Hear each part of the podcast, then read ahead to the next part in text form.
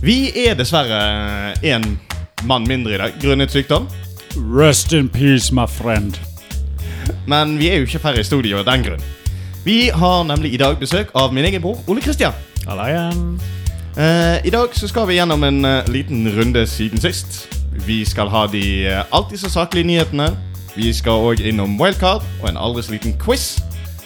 Og for de som eh, følger med, vet vi at det blir et hovedtema i dag. Så eh, vi spretter våre bokser. Og åpner dermed neste episode av Tacokrydder! ja. Velkommen, velkommen, alle sammen. Tusen Spesielt hjertelig. deg, Ole Kristian. Jo, takk, takk. Fantastisk du eh, kunne være med på dette her. Er du spent? Ja. Det er jo en artig opplevelse, dette her. Ja. Sitte med en mikrofon i trynet og Ja. preke skit. Ja, Vi har jo kål på utstyret. Kan jo gjerne, vi kan gjerne bare nevne at vi har sittet her ca. 1 12 timer bare for å få dette til å virke. Så det er ikke et vanlig radioprogram. Det er sånn ra- radiooppsett, dette her. Nei, det er helt sant. Men Eh, det er så, det er så live. det er så Det eneste som gjør at dette ikke er live, det er det faktum at det ikke er live. Ja. Bortsett fra det er alt så sjukt. Enten så funker det, eller så tar det jækla lang tid. Ikke sant. Ja. Ja, ja. Ja, ja. Men uh, alle problemer er jo til for å leses, og det har vi også greid til i dag òg. Så um, jeg tenker vi hopper rett til eh, sånn siden sist. Kan jeg få lov å stille et spørsmål før vi kjører i gang den? Mm, ja. Jeg kunne tenkt meg å vite veldig kjapt Hvem er du, Ole Kristian? ja, god plan. Ole Kristian, det er meg. Jeg er broren til Joakim. Eh, og jeg har jo òg kjennskap til både Eivind og Brage som er deltakere eller faste her i podkasten. Stemmer det? Så eh, ja, har jo hørt eh, alle episodene. Det er jo uh, artig å høre på dere når det går mye banter frem og tilbake mellom dere. Det er artig, det. Kjekt å høre. Veldig. Hva jobber du med? Jeg er lokomotivfører, Ikke sant? og litt eldre enn eh, deg òg, bare sånn for å skyte inn det. da. Jeg er jo eldrebroren til Storebror, med andre ord. storebroren. Like gammel som Eivind. Ja. Jeg kan bare si det til alle lytterne at Ole Kristian han er jevnt høyere enn en gjennomsnittlig nordmann, vil jeg tørre å påstå. Litt blanke skallen, har på seg i dag en frekk, stripet hvit og blå T-skjorte med en stor lilla klatt på, på brystparti. Snasenmann Sånn ifra eh, Snasen. liten Rorschach. Ja. ja. ja det ser ut som han kjører motorsykkel og har truffet en eller annen ekorn eller noe på veien bort her. Greit blodig. Herlig, det. Fin fyr. Veldig. Uh, ja, da Har du flere spørsmål du vil skyte inn? da? Jeg føler jeg er ferdig. Vi, har, vi, vi skal jo prøve å forholde oss til et sendeprogram her. Ikke sant. Nei, men da eh, tenker jeg vi spretter videre til eh, siden sist. Og kanskje du bare har lyst til å starte uh, uh, uh, Ja, Sånn cirka det? Uh, Yes. Så starter balletten. Jeg kan ta startbilletten. Um, ja, nei, vi gjør det kort, for det, eh, dette går jo veldig ofte i det samme. Uh, vi, jeg har jobbet i hagen, planeringsarbeidet går videre, men der har jeg lyst til å fortelle. Det var noe jeg opplevde i dag, som jeg også postet på Tacokrydder sin Facebook-side, i håp og i desperasjon om et endelig svar på en problemstilling som var nytt for meg. Du skjønner at Når man skal drive og jobbe med hage, så har jo jeg lest litt grann, og snakket med diverse mennesker og lært litt. Grann, at det, du, det som er viktig her, det er drenering. Kommer ofte i form av pukk, 32-64, hvis du skal ha litt større pukk. Og så eh, setter du et lite sånt teppelag, sånn dreneringslag oppå det. Da. Det er sånn, sånn eh, pappklut. Ja, ja. Jeg husker ikke hva det heter. Det, vi kommer til å få bentere mot oss her nå. Men eh, ja, en sånn tekstilsak da oppå der, og så er det jord oppå der. Og da, her er jo da tanken det at jorden den skal da ikke forsvinne ned i den pukken da som fungerer som et dreneringslag, og den duken er det som skal være skillelaget. Så det som er veldig viktig, det er at den duken, den skal da, vannet skal da sive igjennom. Og så skal jorden ligge litt sånn halvtørr oppå den, da, sånn at du ikke går og vasser i vann oppe på plenen din. For det er jo det som er det endelige målet, at dette skal bli en planert og nydelig fin eh, gressplen. Jeg har veldig mye vann på eiendommen. Jeg bor jo i eh, bunnen av et fjell, og det kommer masse vann ned her. Og det jeg la merke til i dag, det er det at uh, dette vannet det har jo bestemt seg for å renne oppå denne duken, og samler seg da som en dam eh, nede på Altså lengst nederst på den plenen som jeg jobber med, som en stor sånn liten dam. Altså, hvis jeg bare lar den få vokse, så kan jeg hive forskjellige fiskearter oppi. Sånn. Den har jo ikke noe som helst med Altså, den drenerer jo fuck all. Ingen verdens ting. Så eh, i dag har vært en litt tung dag. Jeg er jo nødt til å lage en liten omvei for vannet, og igjen, eh, det går tre skritt fram, og så går det 15 skritt tilbake i dette prosjektet. Så det som jeg trodde skulle være den raskeste delen av jobben, har virkelig blitt den tyngste og lengste. Ikke sant. Ja. Og så hjelper det ikke så jævlig at det regner så inn i helvetes mye når du skal drive og grave i denne jorden heller. Nei, for du nevnte jo i forrige episode våt jord er tungt. Våt jord er tung jord, det er helt riktig. Så putt det på en T-skjorte, Sæland. Jeg eh, vil jo også egentlig da bare på tampen nå få lov til å Heter det å plotte? Eller hva heter det? Jeg skal bare legge inn en sånn liten sånn reklame. Ja, ja, Ja. Nei, det blir vel self-promoting, kanskje. Self, shameless self-promoting. Shameless self-promotion-saker. Billettene til teaterstykket som vi spiller i, har nå kommet ut på Fyllingsdal Teater sitt, eh, sin eh, nettside. Så for de av dere som har lyst til å se den eksplosive, fantastiske reisen til Fride og hennes dodraug sammen med bestefar, mor og far, og alle elevene i hennes klasse må gjerne ta seg en tur bort der, stikk innom nettsiden, og så kjøp deg en billett. Det her kommer til å bli stas. Dette er en kort produksjon som ikke kommer til å gå mer enn to dager, fire produksjoner totalt. Så har du lyst til å få sett den, er det på tide å kjøpe billettene nå, for jeg har en tro på at de kommer til å bli solgt ut ganske fort. Yes, det var det. den er god, vet du. ball videre. Ja. Uh, ja, har vel ikke så veldig mye eh, på agendaen siden sist. Det som er verdt å merke seg, er at eh, jeg har vært i et bryllup i helgen. Ja, ja, ja. Eh, så gratulerer til det brudeparet, og takk for festen. Det er vel egentlig det å si. Um, ja, har jo selvfølgelig også vært på Ja, hva er det? To teaterkurs siden sist nå. Ja. Så der går vi videre. Eh, vært litt manuslesing og sånt nå, og så har det eh, faktisk vært en egen eh, time med bare impro. Wow. Ja. Dere Så det dere kaster dere ut i dette greiene. Nei, ja, ja, ja. Men her, var, her må jeg si at uh, impro-settingen var litt annerledes. Det var, jo, eh, det var jo litt regler og på en måte noe man skulle oppnå som, som var litt eh, lettere å, å få eh, forståelse på, da. Istedenfor bare finn, finn bit av eh, et stykke du har hørt for lenge siden. Ja, nettopp, ja. ja. Men er det flere kurs på Fyllingsdal Teater? Altså Er det et, et, kurs som liksom går mer på impro? Du har jo snakket om at det er mye impro på disse Eh, nei. Eh, ikke egentlig. Men det som kanskje er verdt å nevne, er vel det at det er jo nyoppstartet eh, greie, dette her med voksenkurs. De har jo drevet med barneteater lenge og mye. Så, og der har de jo mange, mange kurs i forskjellige aldersgrupper. Eh, så de har en ganske full timeplan sånn sett. Men akkurat det der med voksenkursene, den er ganske ny. Um, så det, jeg tror de fortsatt er sånn på prøvefeiling i forhold til det å liksom Hvordan drive med barn, og hvordan drive med voksne. Ja. Så det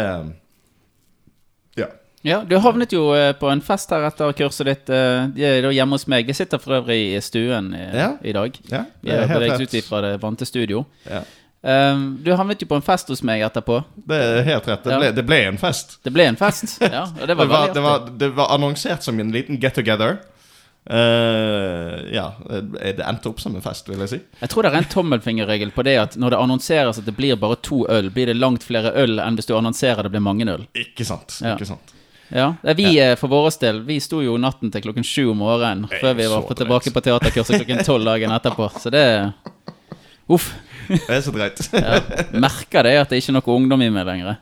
Nei. Ja. Neida, men det var en kjempefin kveld, altså Den var nydelig. Og det var òg eh, veldig mye teatersnakk. Og det var jo gøy å på en måte få innsikt i fra alle disse erfarne sjelene, som eh, blant annet kursinstruktørene som var med, og ja. Så det var gøy. Fine gjeng, det, altså. Jau da. Yes. det var vel egentlig det jeg hadde å si, så jeg kaster ballen videre til deg, Ole Kristian. Er det noe du har lyst til å dele i dette segmentet? Siden sist. Ja. Siden sist jeg var med her. Vi begynner med 1985, eller? ja. Years of the years. Det er sant. Begynner helt på starten. Nei da. Nei, eh, sånn nylig så eh, Av eh, sånne spesielle ting, bortsett fra vanlig jobb og familieliv og, og de tingene der, Noen som skiller seg litt ut? så uh, deltok jeg på, nylig på et uh, HMS-kurs. For- Og hadde den inne nå. Ja, ja, ja. Brukes der han brukes kan. Ja, ja, ja. Nei da, nei, det var et eh, HMS-kurs, det var det holdt på å si, det man på folkemunne kaller 40-timerskurset for ja, Akkurat det. Uh, ja, for uh, ja, oss i fagforening og i ledelse i bedrifter. Det var veldig interessant. Er ikke det, er ikke det kurs for de som er um, Hva er det flotte ordet igjen? Am, altså, det er jo stort sett AM-medlemmene som er Ja. pliktige å ha det, da. AM-medlemmer. Arbeidsmiljøutvalget. Nettopp. Takk. AMU. AMU. AMU. Ja. Jeg vil gjerne skyte inn at jeg skal på det kurset en eller annen gang i framtiden. Forhåpentligvis i nær framtid så skal jeg på det kurset. Så jeg er veldig interessert i å plukke gjerne, men kanskje off segment. Ja, det blir kanskje litt eh, For å si det sånn, du har jo 40 timer å, å glede deg til, holdt på å si. Jeg har det. Ja. It's a hoot and a holler. Ja. Nei, nå er jo selvfølgelig litt tørt, men eh, går du inn med riktig innstillingen og ser nytten i det, så, så var det interessant. Ja. Det var det absolutt. Ja. Lærte masse nye begreper og Ikke mye lover og sånn.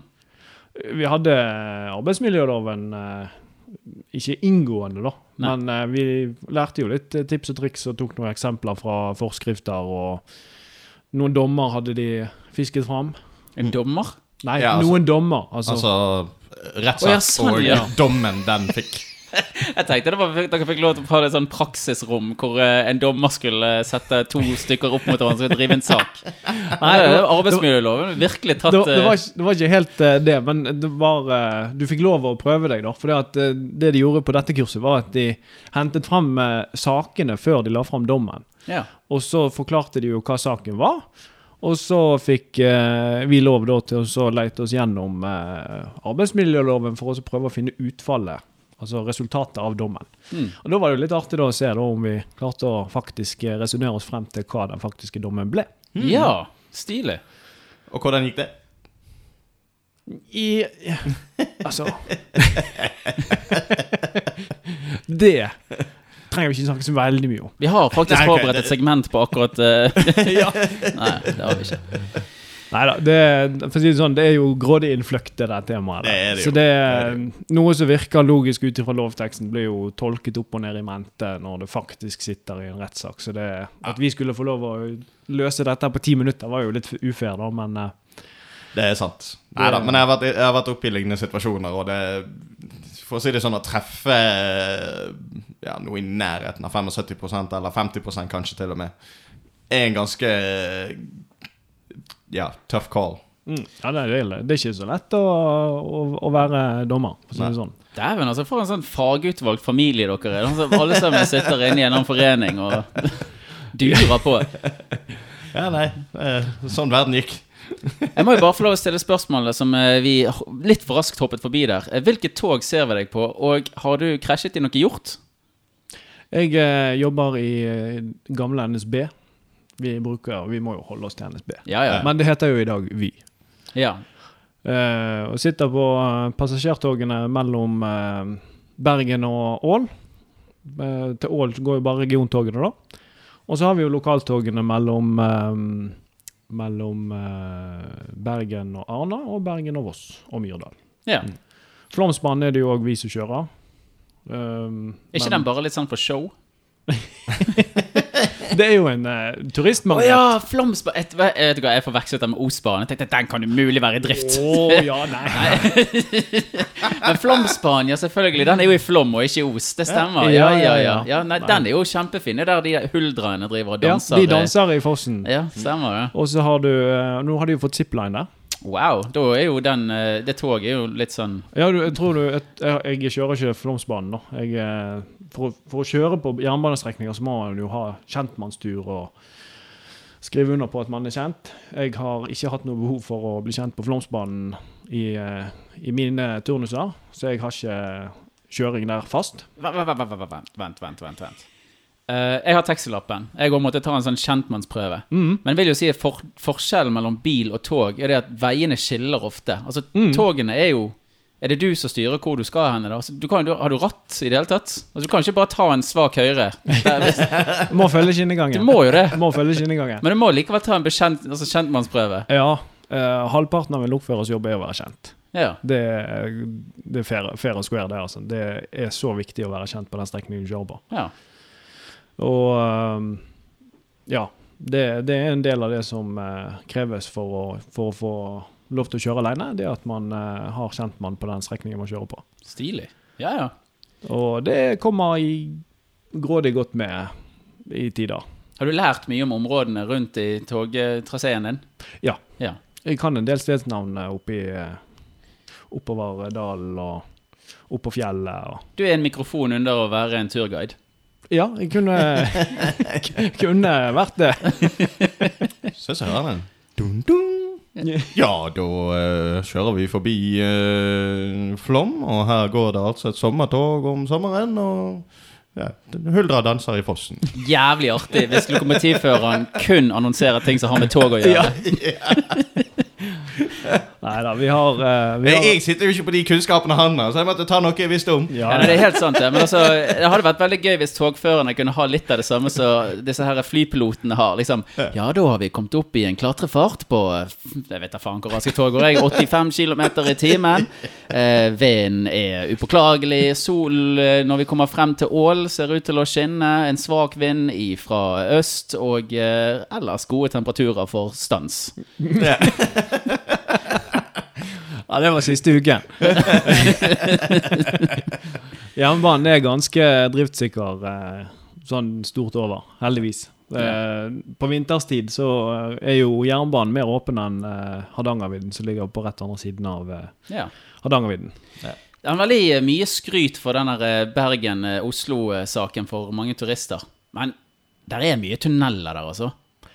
Ja, akkurat det var litt morsomt. For det, det var en eh, det var en amerikansk turist som kom bort her for en del år siden. Vel, jeg begynte jo her i 2014, så det var ikke så veldig lenge etter det. Og så har jo eh, eh, Fjordturs, er det noe som heter. De har noe som kalles eh, eh, Norge i et nøtteskall-turen. Det er en sånn eh, reisepakke der du får tog, og du har litt buss, og du har båt ute i Nærøyfjorden eh, nede i Flåm der. Um, og han, han amerikanske turisten han kom tilbake og sa det at han, han syntes det var litt misvisende med at dette var Uh, Norge i et nøtteskall. For det, det eneste han så, det var innsiden av dette nøtteskallet.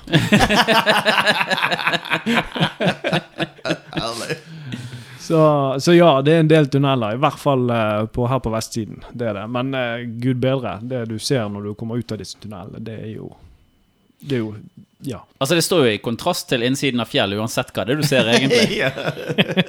Ja, det gjør det. Ja. Det er sant. Men nei, det, det Ja, jeg sier det er verdens beste kontorutsikt. kontorutsikt. Ja. Det er nydelig oppå der. Ja. Når du får de der dagene oppå der, det er helt magisk. Meget bra. Høres ut som du har valgt riktig jobb. Ja, og det var veldig tilfeldig, og jeg angrer ikke på at jeg eh, gutset på dette og valgte det. Hmm. Så Nei, men det er jo meget, meget bra. Uh, var vi egentlig ferdig med det 40-timerskurset ditt? Ja, det var Ja, vi var stort sett ferdig med det. Men det var kanskje mer interessant å snakke om akkurat den her, syns jeg. da. Ja. Jeg Nei, liker å promotere lokførerjobben, det gjør jeg. Det, det er bare å kaste seg på. Andre sånn eh, selfless eh, promotion som skjedde. Hva var det du kalte det for noe? Self Shameless self-promoting. self-promoting. Nei, men altså, det er jo gode muligheter for at vi kanskje klarer å få tilbake en NSB nummer med ny regjering. Det var jo i hvert fall en kampsak til SV, men de forsvant jo. Ja. Mer om det i nyhetene. ja sant. Ja, Ja. Ikke sant. Vi uh, hopper videre til nyhetene, vi.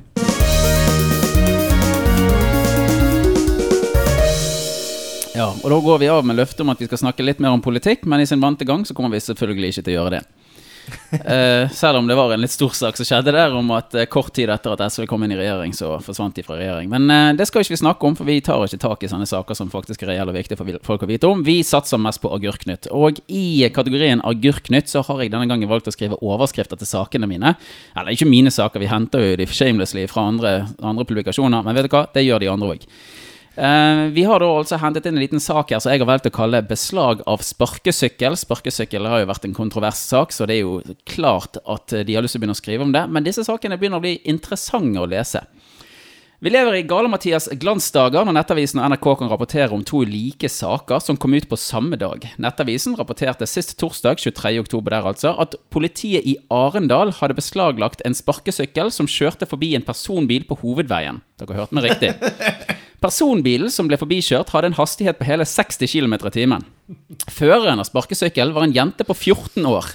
Politiets målingssystemer kunne måle at sparkesykkel kunne ha en maksfart på hele 70 km i timen. Og nå tenker dere wow, men hold your horses. Vi fortsetter. Og når det regner, så pøser det. For på samme dagen rapporterte NRK at politiet hadde stanset to 15-åringer som delte en sparkesykkel som kjørte i hele 80 km i timen. Joakim, ser vi her mulighetene for en utvidelse av sportsgrener vi kan forvente å se på Ekstremsportsveken i Voss? Oi! Elektrisk sparkehjul uh, downhill. For eksempel. Oi, jeg er med. Jeg er med. Kongen av det nye Norge. Har jeg ble veldig fornøyd med disse overskriftene, så jeg lurer på om det skal bli en ny ting. Sogn Avis, som vi alle sammen leser hver uke, har vært på ferde igjen og plukket en snevert kontroversiell sak. Når gjerne flertallet av norske, de norske borgerne kanskje kunne tenke seg å velge vekk nynorsken til fordel for viktigere fag eh, Ja, dere får bare klage på hva mine meninger om det er, og hvor mye jeg forsnakker meg om eh, resten av Norges holdninger til dette. Har språklagsgiganten Noregs Mållag igjen tatt et slag for våre nye, gamle språkform. I deres nye utkast går det fram at de mener kongehuset bør la 25% av deres taler være på nynorsk. Riksmålforbundet på den andre siden mener at ingen bør pålegges å snakke et språk som ikke er deres eller deres. Ole Kristian. Hva tenker du hadde vært ei ideelt om kongen vår hadde vært ein alttungande mann som kunne halda taler på alle språk som førestelles i det ganske land, liksåledes med samisk? Nei, det, han er jo konge for Norge, så hvorfor ikke?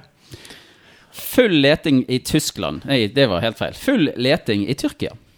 Dagbladet kunne fortelle onsdag 29.9 at et søke- og redningsmannskap måtte rykke ut i et område i Inegol-distriktet nordvest i Tyrkia. Nødetatene hadde fått varsel om at en full 50 år gammel mann på guttetur hadde forsvunnet. Flere av innbyggerne i området ble med i redningsaksjonen i skogen.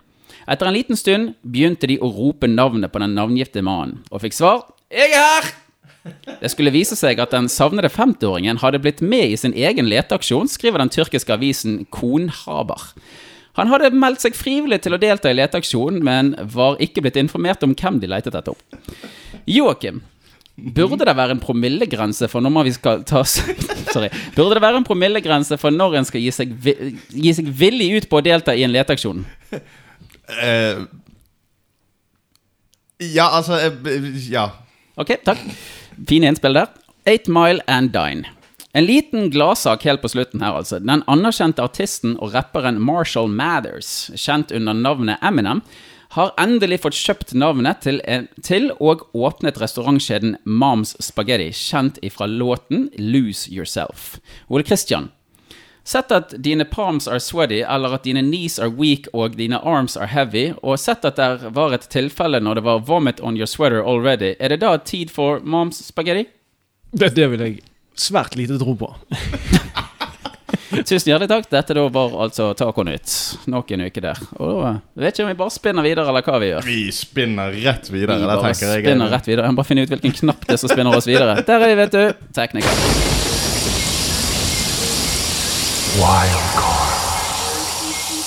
Det er jeg som har wildcarden i dag. Uh, hei, hei, Eivind som er på mikken her igjen. Um, uh, det blir litt mye sånn uh, hallabaloo når uh, Brage plutselig forsvinner, men jeg hadde på en måte gjort klar en liten sak. Og veldig ofte så er jo disse her eh, wildcardsene veldig inkluderende, men i dag så er de ikke så inkluderende annet enn Vet dere hva en svak jazzklapp er? det er en sånn her. Åh. Jeg forventer i dag at jeg får noen svake jazzclaps. For det at uh, i dag tenkte jeg at vi skulle stille en liten omasj for avgående helseminister Bent Høie, som nå går av. Uh, ettersom at uh, Ja, nå er vi inne på politikken igjen. Ettersom at vi får en ny regjering. Og dette er jo et ansikt vi har gjort oss ganske kjent med i denne her pandemitiden. Og en person som har en spesiell sak med seg som jeg mener bør tilhøre historien, og noe som er et ansikt han har satt på talene sine. Altså, han har rett og slett skrevet bortimot de beste og mest metaforrike talene fra noen talspersoner jeg har sett i det norske riket.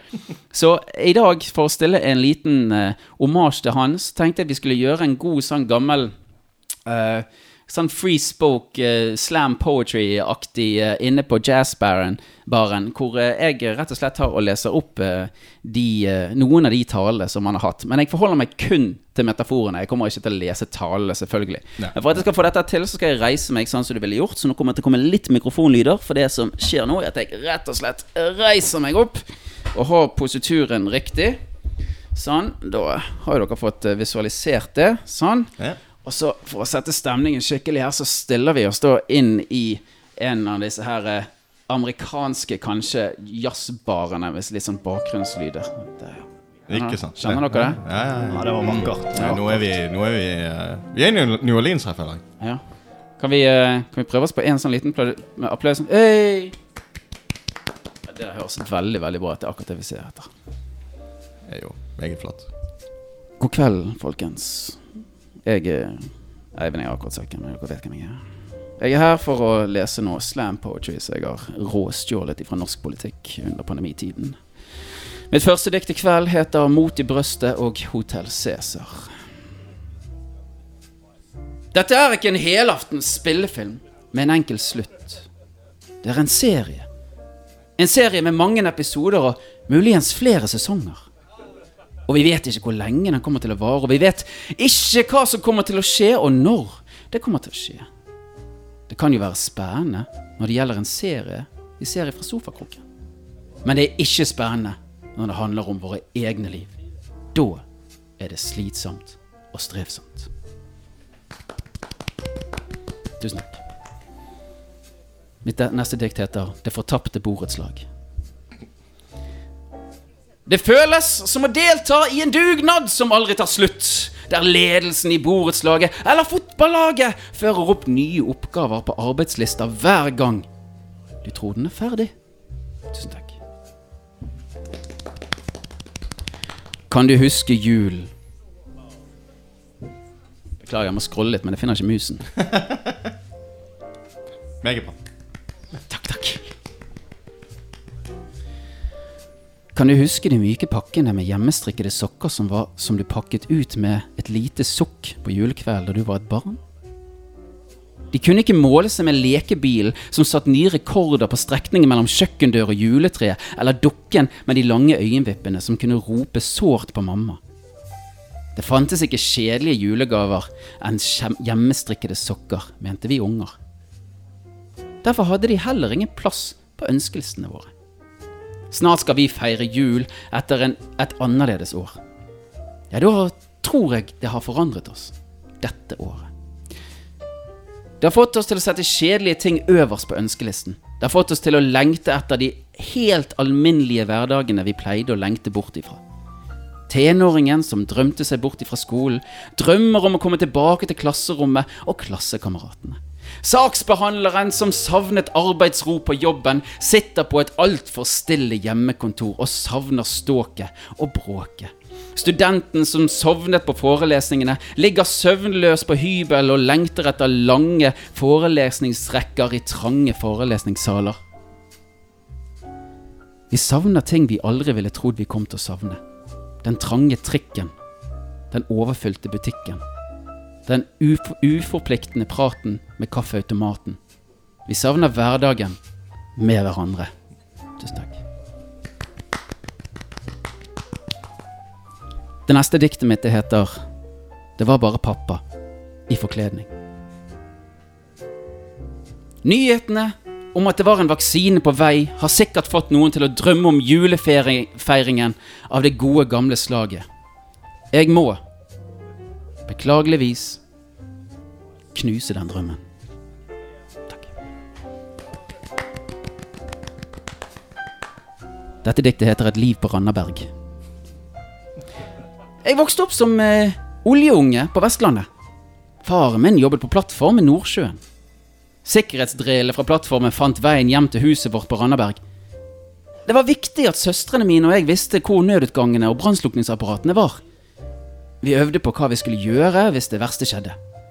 Jeg kommer alltid til å sjekke hvor nødutgangene og brannslukningsapparatene er der jeg ferdes. Ikke fordi jeg er bekymret. Det er jeg svært sjeldent. Og så dro tre kjappe og en badehette her på slutten. Nyen her.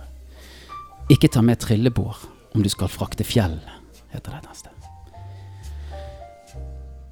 Når du er på dugnad og strever med å få oversikt over hva som egentlig skal gjøres, kan det være fristende å sette fra seg trillebåren og gå hjem. Takk. John Snow knows. Kjære alle sammen. Jeg vet at mange synes det er litt tungt nå. Ferien er over, og sommeren går mot slutten. Winter is coming, sier de i Game of Thrones. Og det gjør han jo. Det var det.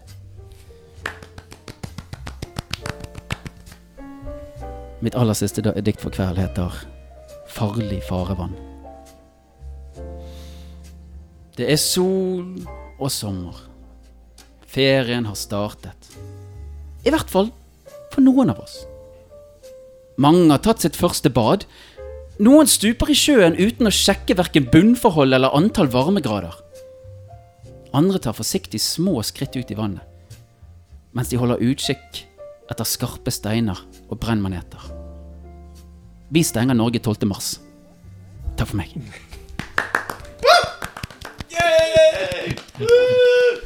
Ah, jeg er så glad for at vi kjørte en omasj til banden. Det var fint, det. Altså, det, det, det, er, det er jo lyrisk eh, kvalitet, dette her. Han er, han er et unikum. Ja, Han er absolutt det. det må han ha. Fin, fin, fin fyr, han der. Ja ja. Sånn gikk det. Ja. Uh, skal vi se, Vent litt grann før vi starter neste. Jeg må eh, rett og slett finne ut Jo da, vi har han. Ja, Greit. Skal vi kjøre på neste? Det tenker jeg vi tar. Da gjør vi det.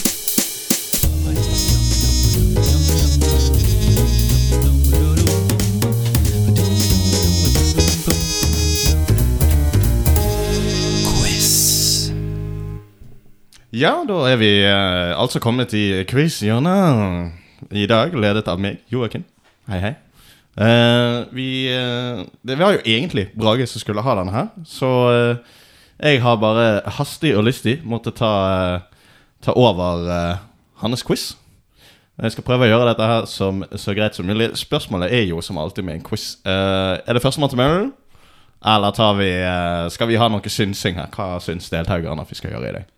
Jeg eh, liker veldig godt det formatet hvor vi enten sier navnet vårt, eller vi har en ulyd. Nå har ikke jeg jeg har ikke forberedt noen ulyder, så det kan hende at det hjelper at vi bare sier navnet vårt når vi tror vi kan svaret. Ja. Men så er det greit at hvis en person sier navnet sitt, så får den andre litt mer betenkningstid. Ikke sant. Sant? Uh, Temaet i dag, det er eh, rett og slett gaming-lingo. Gaming lingo. Yes. Ah. Så det kan jo bli spennende å se hvor dere ligger i verden på det. Lol, ruffelmauhass. ja, slike ting. Ja. Slike ting. Jeg tror eh, du stiller litt sterkere enn meg eh, akkurat der. Lol. Det, Ruffelmauhass. det blir spennende. Vi får se. Eh, dere har jo altså forstått eh, hva, hva det er som kommer til å skje. Og jeg kommer eh, til å gi disse forkortelsene til dere. Førstemann til å si navnet eh, får muligheten til å svare på hva dette her skal eventuelt være. Kan jeg si OC? Du kan få lov til å si OC. Fordi det er mye, altså Han har en stor fordel på å si Eivind når jeg skal si Ole Kristian. Ja, ja, ja. Det er en del flere stavelser der, men du skal få lov til å si OC. Det er Altså, greit. Handler det om hvem som avslutter å si navnet sitt fortest, eller hvem som starter å si navnet sitt først? Og da vil jeg bare si E. Ja, e. Raskeste E-en som fins. Ikke sant? Nei da. Eh, jeg tenker det må være lov å si OC hvis det er det du ønsker å gjøre. Du føler ikke en veldig handikap av det, Eivind. På ingen måte. Nei, Veldig bra. Da kjører vi i gang. Jeg har et lite håp om at han glemmer at han skal si OC, og så står han og skanger, stanger litt på hva det var han skulle si. Ja, det blir spennende å se. Vi kjører i gang. Første eh, ord er altså GW2. Eller gjerne sagt GV2. Um, uh, Eivind, Ja. Uh, jeg får Jeg bare tar en sjanse jeg, men eh, Her er to alternativer. Jeg skjønner at jeg kan bare si én. Eh, så jeg eh, ser for meg at du har nettopp vunnet for andre gang. Great win second. Ok, det er feil. Å nei! Nå kommer jeg Åh.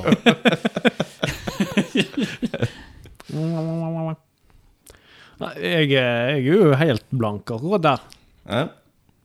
Men det, det virker Jeg ser poenget. Eh, hvis, hvis jeg skal tippe, da Hvis Tipp, jeg bare kjører et uh, vilt eksempel, så får jeg si uh,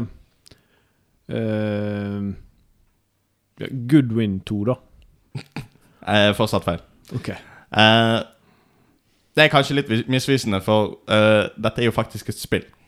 Så GV2 er ofte lingoen for Guild Wars 2. Åh. Ok. Ja. Vi prøver igjen. Ja, men da, da vet vi litt hvor landet ligger. Ja, så det, det var jo åpnet greit. det. Det Ja, åpnet det litt. ja, ja, Ja, ja. Det var prøverunden, det. Ja, Ja, ok. Vi prøver oss på en til. BO2. Eivind, Ja, Breakout 2. det er feil. Jeg vet ikke. Jeg har ikke peiling. Det var et hederlig forsøk, men det er feil. Nei, jeg, må passe, jeg. Har ikke peiling. Nei, greit. Det var altså Black Ops 2. Ja, det gir mye mer mening. Breakout har vel ikke en oppfølger heller, uansett. Uh, nei, jeg kan ikke si at jeg egentlig kjenner til Breakout som et spill. Breakout var jo det der toplayerspillet hvor du skulle ut av fengselet, og så skulle man samarbeide og spilte to forskjellige karakterer. Er ikke det uh, Breaking Out heter det. A Way Out? Ah. Det var derfor. Det var derfor. Det var nok en bra prøverunde. Ja, ikke sant, ikke sant. Nå, nå skal vi faktisk litt vekk fra spill. Oh, ja. Ok. Nå, nå er det ikke et spill. Det kan, såpass kan jeg vel si. ok. Men det er fortsatt lingo. Det er fortsatt gaming-lingo. Ok. Ja. TD. Hva er det TD. TD. Uh, uh. Eivind. Ja. This Dance. Ok, det er også feil. Han tydeligvis har den. eh. Ja, dette, dette er jo eh, langt unna det jeg eh, holder på med til daglig, for å si det sånn. Ja. Sånt, eh, sånt spill Jeg har jo fått med meg at dere sitter og gamer en del. Ja. Sånn har ikke man tid til i familiesituasjoner som jeg er i.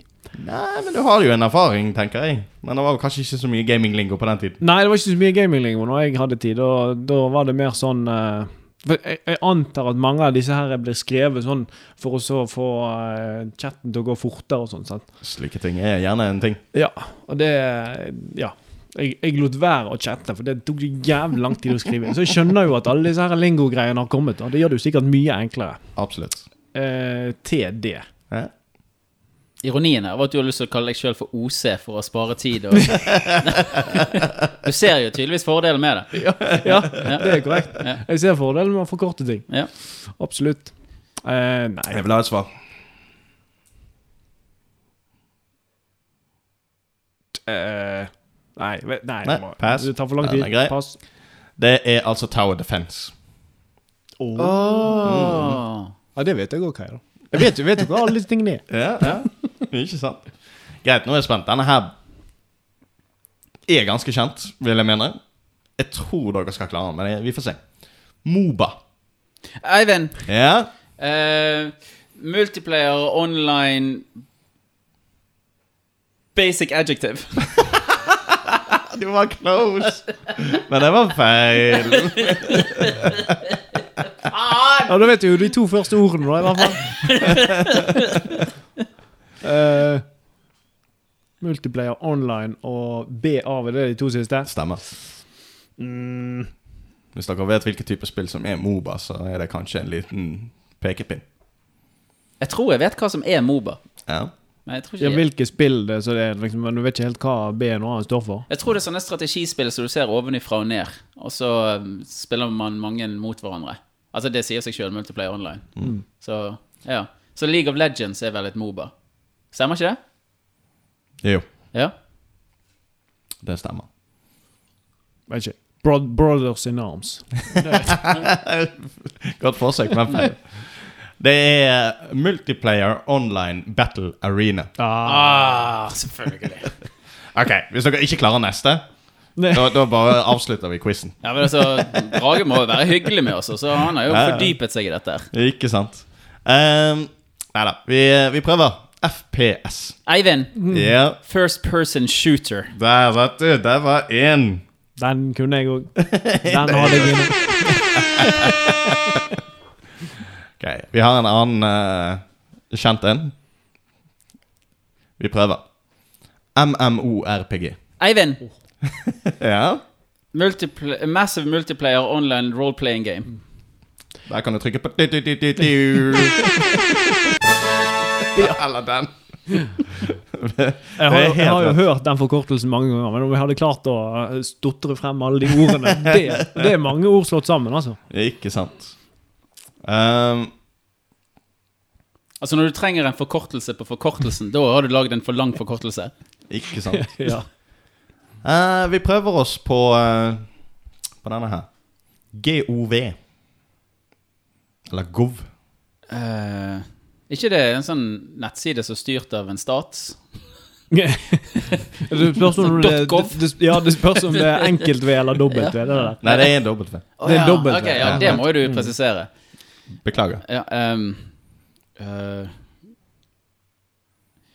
Eivind, Ja. great online win. det, det er mer sånn når mamma kommer inn i rommet, og så ser hun at det feirer, og så bare Eh, Son, uh, okay. that was a great online win you had there. Det er feil. Oh. Uh, ja, vi er jo faktisk inne på et spill, så jeg skal gi deg en mulighet til. Det er tittelen på et spill. Det er lingoen på et spill. Ja, men det er titt... Ja, ok. Ja, mm, mm, mm, mm. Det, det er vel en serie. G-O-W. Mm. Stor G, liten O, stor W. Ah, jo, ja, Ose! Ja. Gears of War. Du, du, du, du. Oi! Det er tydelig at teknikerne var ikke helt fornøyd med den der. Jeg er partisk. Ja, Det blir spennende, da. 2-1 foreløpig. Foreløpig er det 2-1, vet du. Ehm, vi kan prøve oss på eh, denne her. Den tror jeg er litt vanskelig for begge to, kanskje. Er det Ikke derfor et det går for han? Ikke et spill. Nei. Uh, ja, jeg vet ikke. Det, det er vanskelig å vite, men vi prøver. F2P. Uh, Eivind, Ja. kan det være field to play? Field to play. Ja.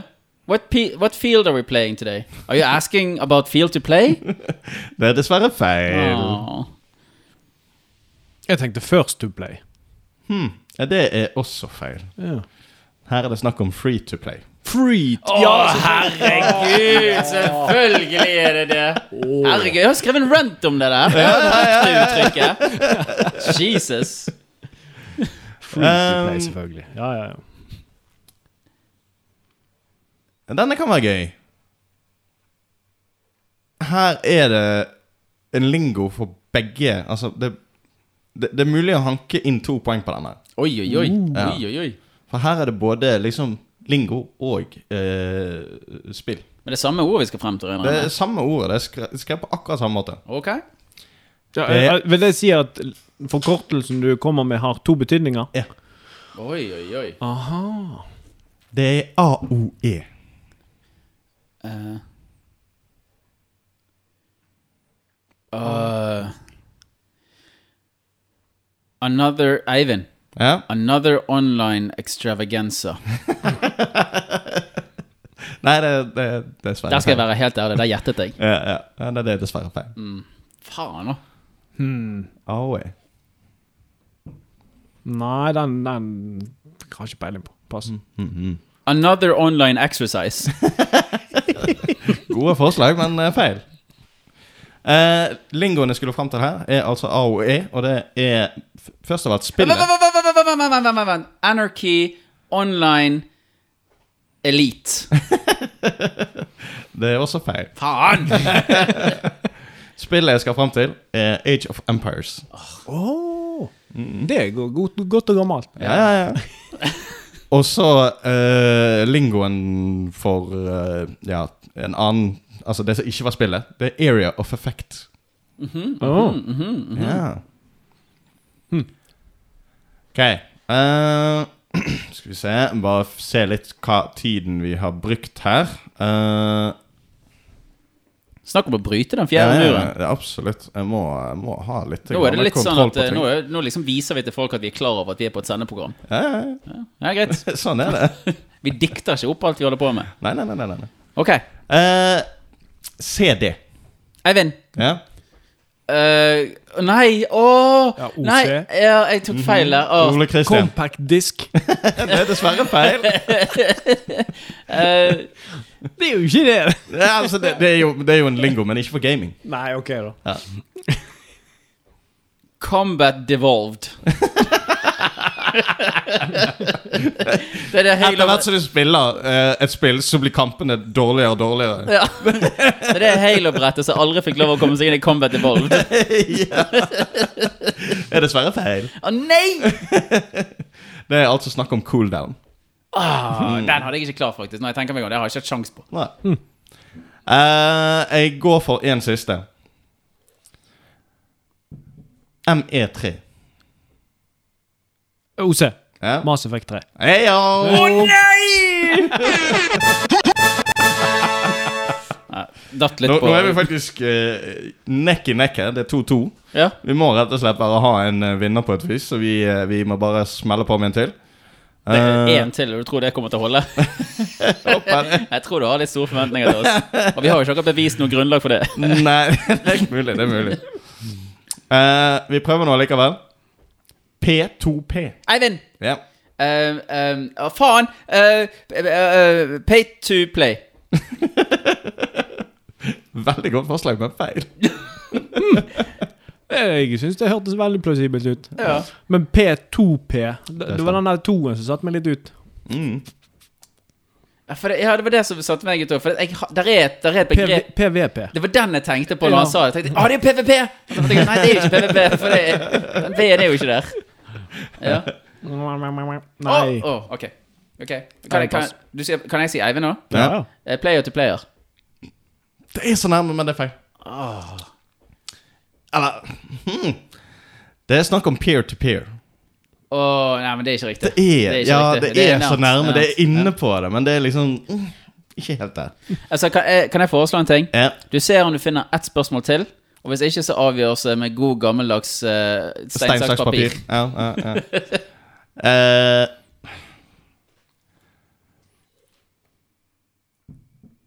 eh, det, det, jeg tror nesten vi bare må gjøre det, for de, de som gjenstår nå, er så uh, intrikate at jeg uh, Du òg sliter med det, liksom? eh, Ja. Ok. Kanskje en jeg kunne tatt, men den, den, den har jeg ikke sett ofte. Så det Jeg foreslår rett og slett en god gammeldags stein, saks, papir. Okay. Det, eller at jeg får to sekunder til å bare bable litt grann og tenke ut en lingo for meg sjøl. Du, men- du, men, du mener at det kan gjøres? Du mener at det kan gjøres? Nei, egentlig ikke. Jeg, eh, Det fungerer dårlig under press. ja, jeg skjønner, jeg skjønner. jeg skjønner, jeg skjønner Nei, altså, vi kan, eh, vi kan gjøre det, eller så kan vi ta en uh, stein, saks, papir. Det er helt opp til deg. Du er quizmaster. ikke sant? um, Dette er bra ja. radio. Ja, det er veldig bra radio. Eh, Stein, saks, papir. Ok? Vi kjører stein, saks, papir. Uh, gode gamle Jeopardy. Nei, det er helt feil. Vinner jeg, da? Dette vil du bli millionær. Å, god gammel den òg. Ja, ja, god gammel dag. Ok, er vi klar? Jeg er klar. Ok, Vi kan holde nevene framme. Du får heller bare fortelle hva som skjer. Joakim. Ja, nå eh, er de altså eh, presentert med nevene, og de, eh, de er nå en standoff der hvor de venter eh, egentlig på å kjøre i gang en stein, saks, papir. Jeg tenker bare sånn det er sagt. Ja, ikke sant? det er et kan- psykologisk kan, spill, eh, dette her. Ja, ja, ja, det er der det ligger. Vi, Er det best av én? Ja, Ja, vi kjører best det må av jo, én. det må jo, må jo være det. Å, shit, da betyr den så mye. Tiden tikker og går. Ok, jeg tror jeg er klar. Ja. Er du klar? Ja. Ok. En, En, to, tre. Og da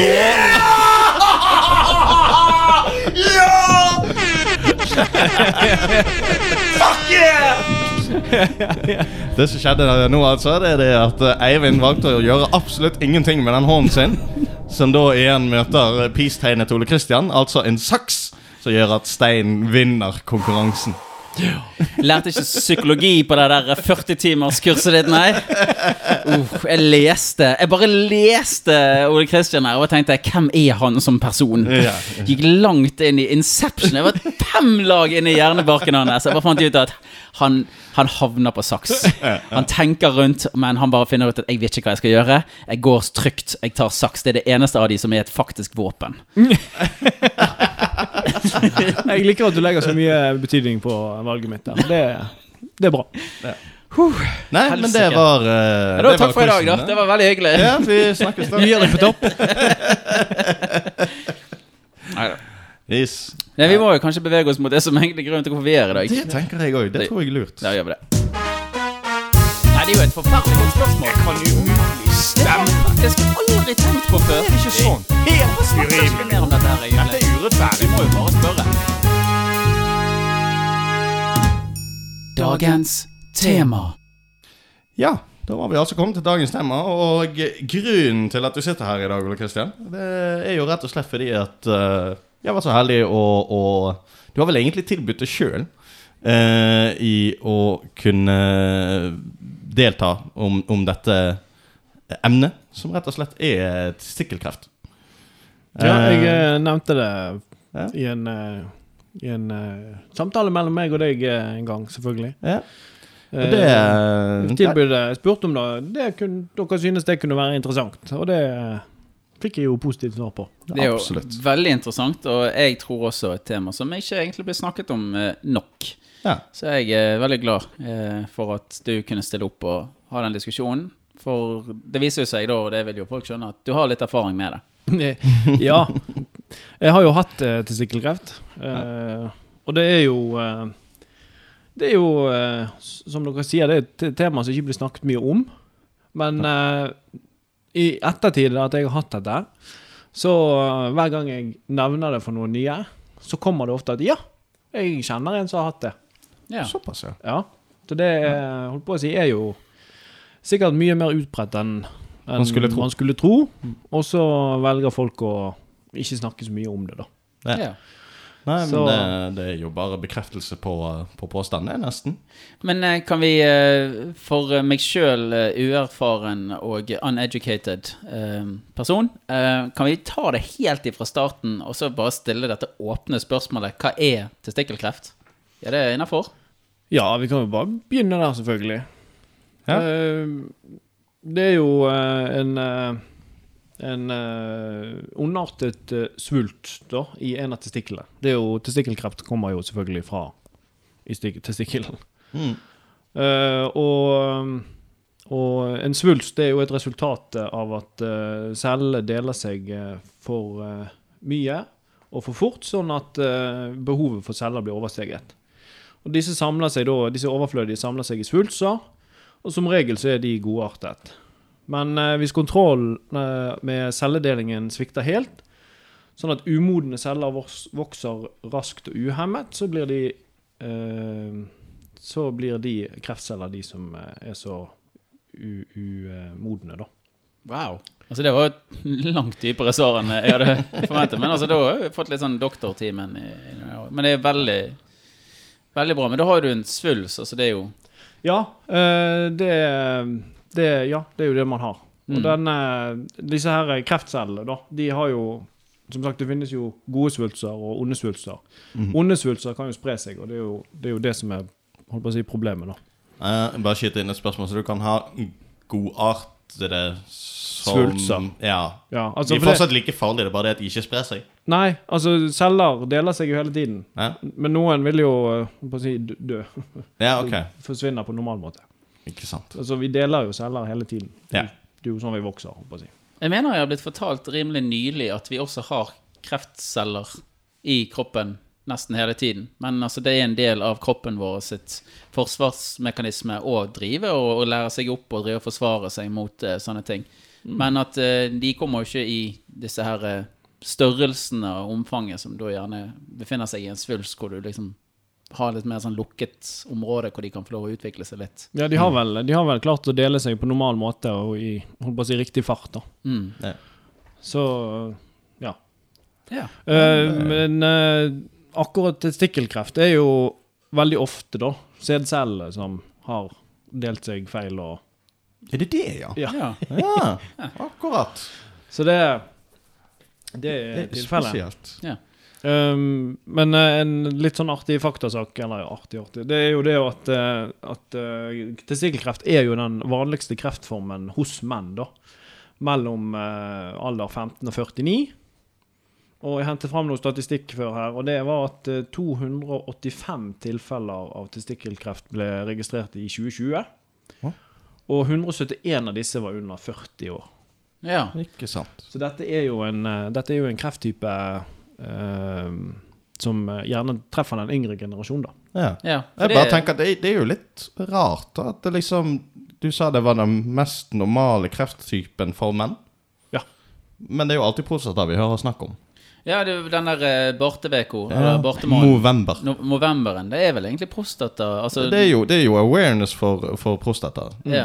Så vidt jeg kan huske, i alle fall. ja. Men det er Men, kanskje men, men litt eh, altså, det er den vanligste kreftformen hos menn mellom 15 og 49. mm, Eh, Ja. Prostataen kommer jo gjerne i eldre alder. sant? Ja.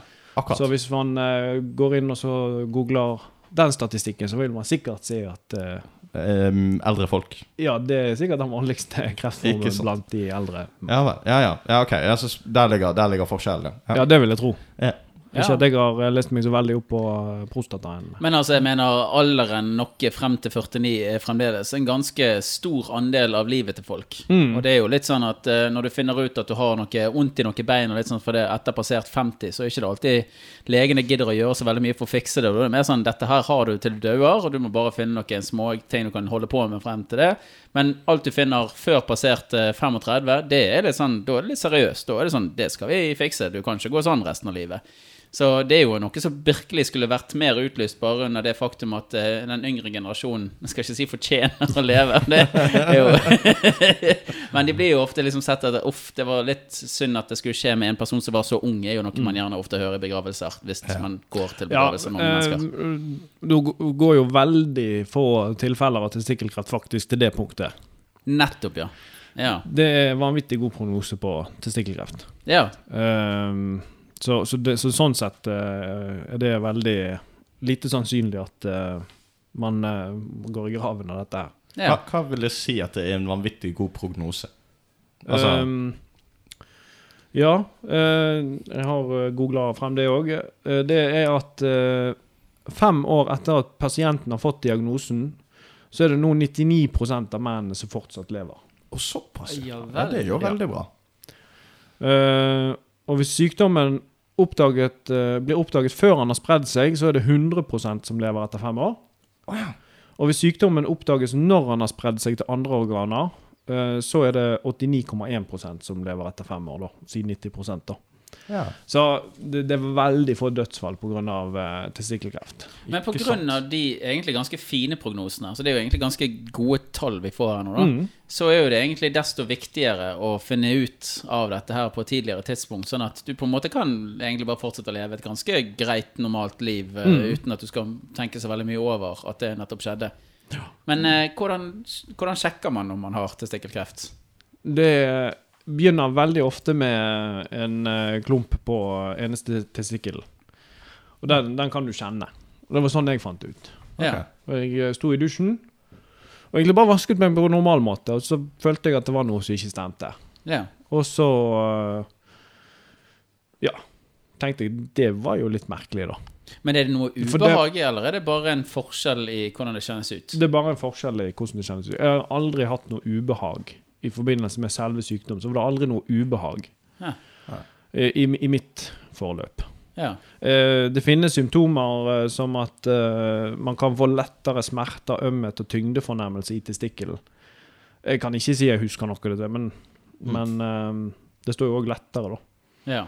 Eh, og så er det òg skrevet at eh, ryggsmerter kan skyldes hevelse av lymfeknuter på bakre bukvegg ved spredning. da. Men da har du jo kommet til spredningsstadiet. ja, riktig. Så ja, så det finnes jo kanskje noe ubehag med det, hvis ikke du tar det tidsnok, da. Mm. Men i mitt tilfelle var det ingenting som uh, gjorde vondt med selve kreften.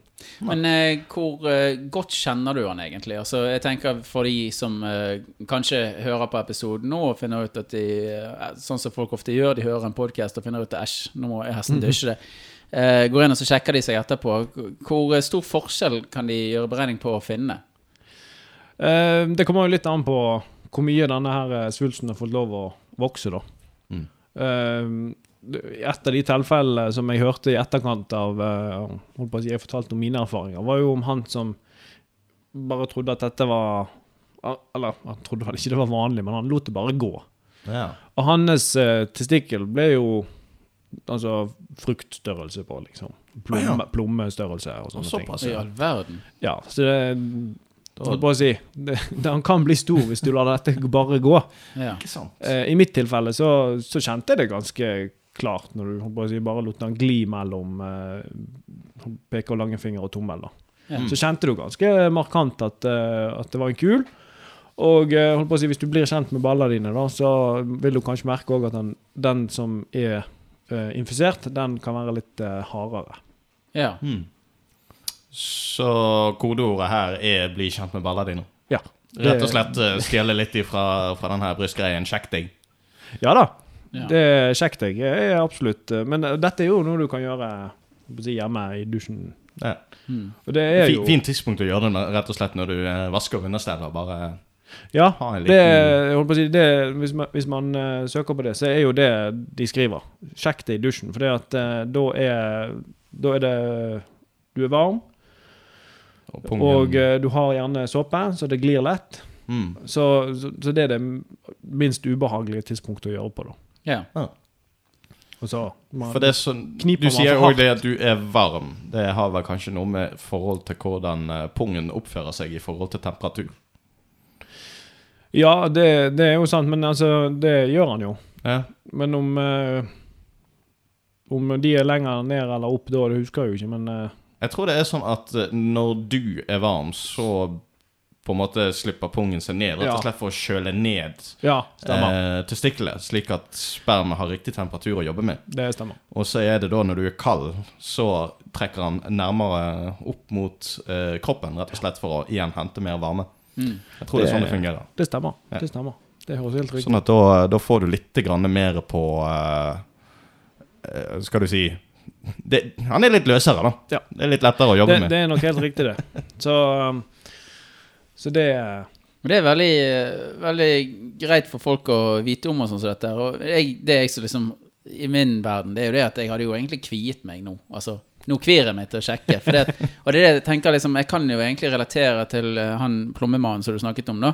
For det at uh, du er jo så redd for hva det kan være for noe, mm, at du velger jo gjerne å tro og overbevise deg sjøl om at dette kan jo ikke være noe gale. For hvis det er noe gale, så må jo dette være fullstendig krise. Men sånn som vi lærer nå, så er jo det egentlig det at krisen, den er jo hvis du bare ignorerer det. Det er jo da egentlig Ja, øh, jo, jo altså Det er jo stor fare for eh, spredning. Det, det var vel òg et uh, statistikk på at jo yngre man er, jo større er sjansen for spredning. Og såpass, uh, Ja, Det er nok òg, ja. ja for du har, du har to typer eh, av testikkelkreft, og det er seminom, som det heter, og non-seminom.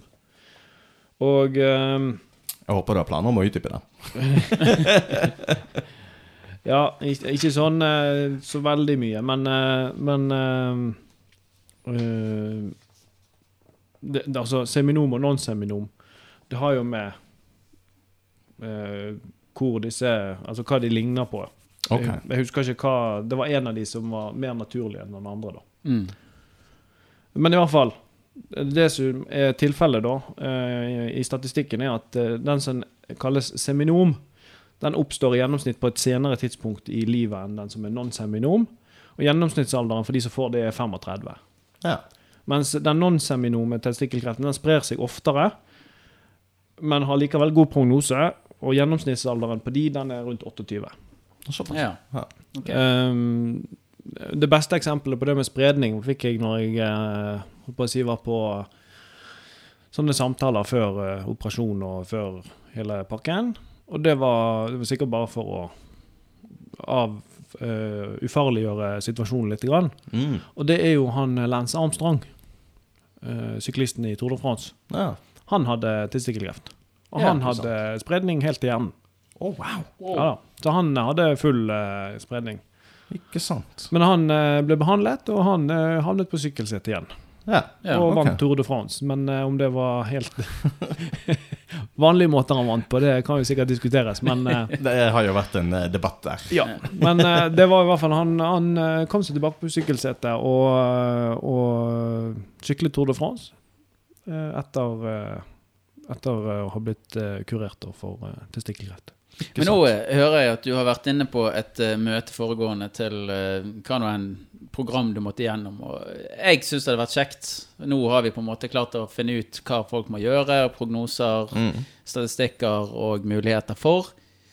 Kanskje du tar oss med på reisen fra du først Når du fant ut, um, hva som skjedde, hvem du kontaktet, eh, hva eh, du måtte gå igjennom, og ja, litt av reisen. Ja da. Ehm, det begynte jo, som jeg har fortalt da i dusjen, jeg oppdaget denne kulen. Det var på kvelden. Ehm, og eh, når jeg oppdaget det, så var det, tenkte jeg OK, her er det noe som ikke er riktig. Kreft var jo selvfølgelig en av tankene, men det er jo, jeg, var, jeg hadde jo hørt om det før. Ehm, men samtidig så har man jo to av disse her eh, nedi der, da. Ja. Så jeg tenkte at ja, ja, da må vel den ene fjernes, da. Og så har man en til. Mhm. uh, Tok lett på det. det var vel, holdt på å si, om du skal kalle det sjokkfasen, da. Man går jo gjennom faser i dette. Ja, ja, ja, ja. Eh, men akkurat der og da så tenkte jeg Ja. Det, jeg eh, Altså, jeg hadde jo ikke noe ubehag. Nei. Jeg kjente ikke noe ubehag med det. Og holdt på å si, når jeg kjenner det, så tenkte jeg ja, ja, vi får undersøke det. Ja. Og øh, den første jeg ringte, var jo øh, min mor på det tidspunktet, for hun jobba jo i helsevesenet. Mm. Og vi skaffet en time på Volvat dagen etterpå allerede. Og, øh, og fikk øh, komme til der. Og han var jo sånn spesialist på dette. da. ja, altså urolog eller eh, kreft eller Ja, han var vel, han var vel urolog, kan vel stemme. Ja, ja, ok. Så, øh, så kom til til han, og holdt på å si Av alt, av all, alt helsepersonell jeg har vært igjennom, så var vel han den mest negative. Oh, ja.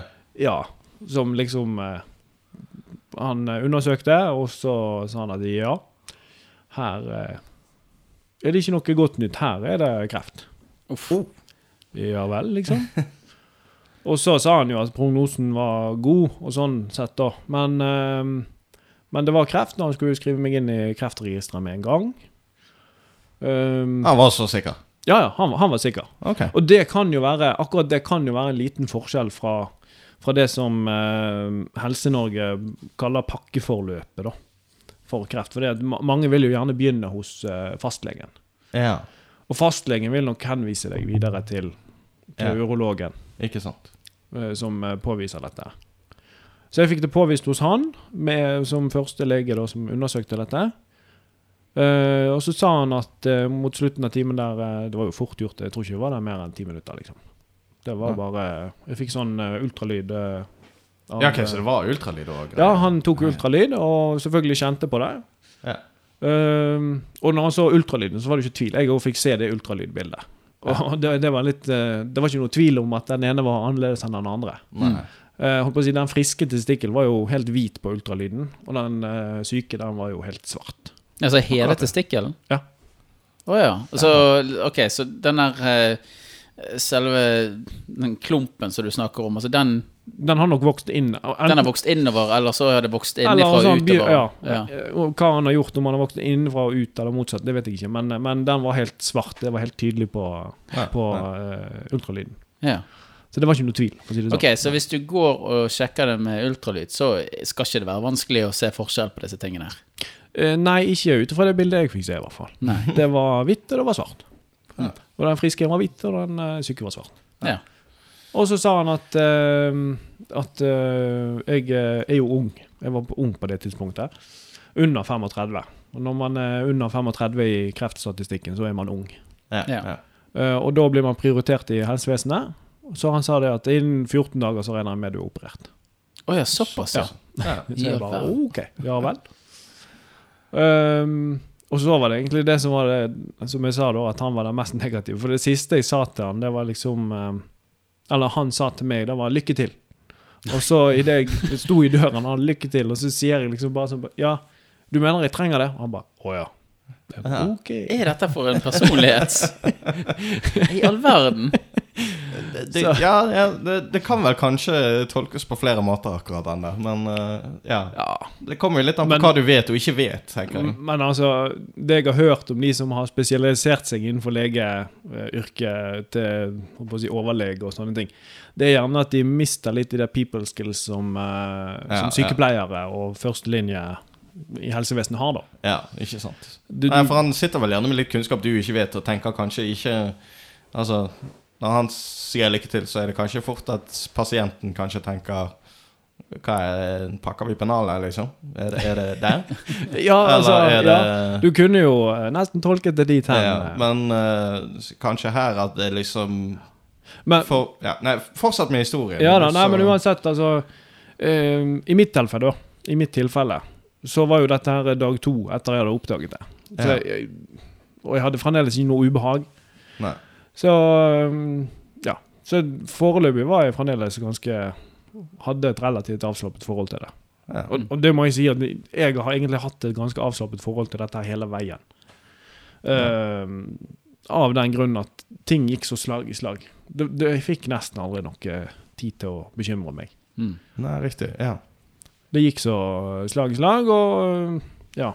Men eh, to uker er ikke slag i slag.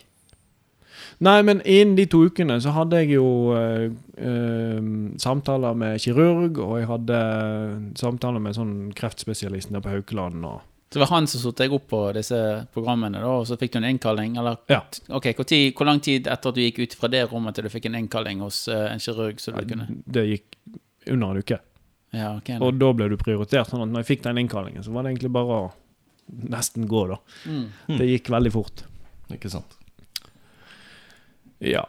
Og så Ja. Og så var det jo på dagen da, 14 dager etterpå, jeg hadde den eh, den eh, timen hos han, urologen, så lå jeg på operasjonsbordet. Ja, men hva sa han eh, du, du nevnte han bare så vidt. Du hadde en samtale med kirurgen. Hva, mm. hva sa kirurgen til deg om dette her? Siden du sa nå at han andre var en av de mer negative. Eh, Kirurgen var veldig klinisk, eh, det, eh, men de bare holdt på å si tegnet på meg og fant ut det, dette skal vi gjøre. Ja. Ja. Og her, Og- dette det vi skal gjøre i dette tilfellet, er snipp, snipp? Ja, Eller er det skrap, eller nei, det, det var et lite snitt, ja. og så fjernet de bare den syke testikkelen. Ja, Det var, det var ikke noe mer å gjøre enn det. Nei. nei. Uh, men det var jo litt spesielt. Den her eh, samtalen med kirurgen eh, var jo da eh, når hun kom med boken. Bare Her kan du se på eh, testikkelproteser hvis du vil ha. ja. Jeg bare Ja vel. Så der var det da en jævla bok da med masse bilder av forskjellige proteser. eh, Så du kunne velge selv størrelse og former og Altså, veldig, veldig, veldig, veldig. Former. Altså, du Ja. kan få en trekant, Nei, nei, nei, nei men du kan få de større oval og holdt på å si mindre oval. Da. Ja. Runde og Ja. Ikke runde, tror jeg, men de skulle jo ligne på det du hadde. Men, Ja. men eh, jeg bare så i boken, og så holdt på å si, spurte vi litt om er det nødvendig. holdt på å si. Så sa hun det at eh, det var jo en risiko for at kroppen ville oppdage det som et fremmedlegeme og støte det fra seg. Mm, mm. Og det, det er jo bare kosmetisk. Ja. Så jeg bestemte at nei, da Skit i det. ja. Jeg, eh, jeg trenger ikke to, holdt på å si det. Eller er nå en fake. Så, eh, så den droppet jeg. ja, ikke sant. Ja. Det er like greit, syns jeg, da. Men ja. det er jo selvfølgelig Hvis du ser på dette her som en 15-åring som kanskje ikke har eh, debutert eh, seksuelt ennå, så ja. Kan det kan jeg forstå at eh, estetikken i dette her kanskje er litt viktigere enn eh, for meg som var etablert og ja, absolutt. Ja. Ja, for du sier jo etablert. altså i, i Mens dette her eh, pågår, så uh, har du jo uh, allerede småunger i hus. Ja, én. Ja. Og så har du en på vei. Ja. Hun uh, fruen var gravid. Ja, ikke sant. Ja da. Så det gir jo ingen Altså der er jo ingen tegn til at uh, testikkelkreft skal stå i veien for reproduksjon. Eh, ja, vi kan jo skyte inn det, da, at eh, han første er jo et prøverørsbarn. Hva sa du? Oh, ja, ja, okay. Han førstemann, ja, ja. Og det jo, er jo et, eh, et symptom på testikkelkreft, at du har dårlig sædkvalitet. ja.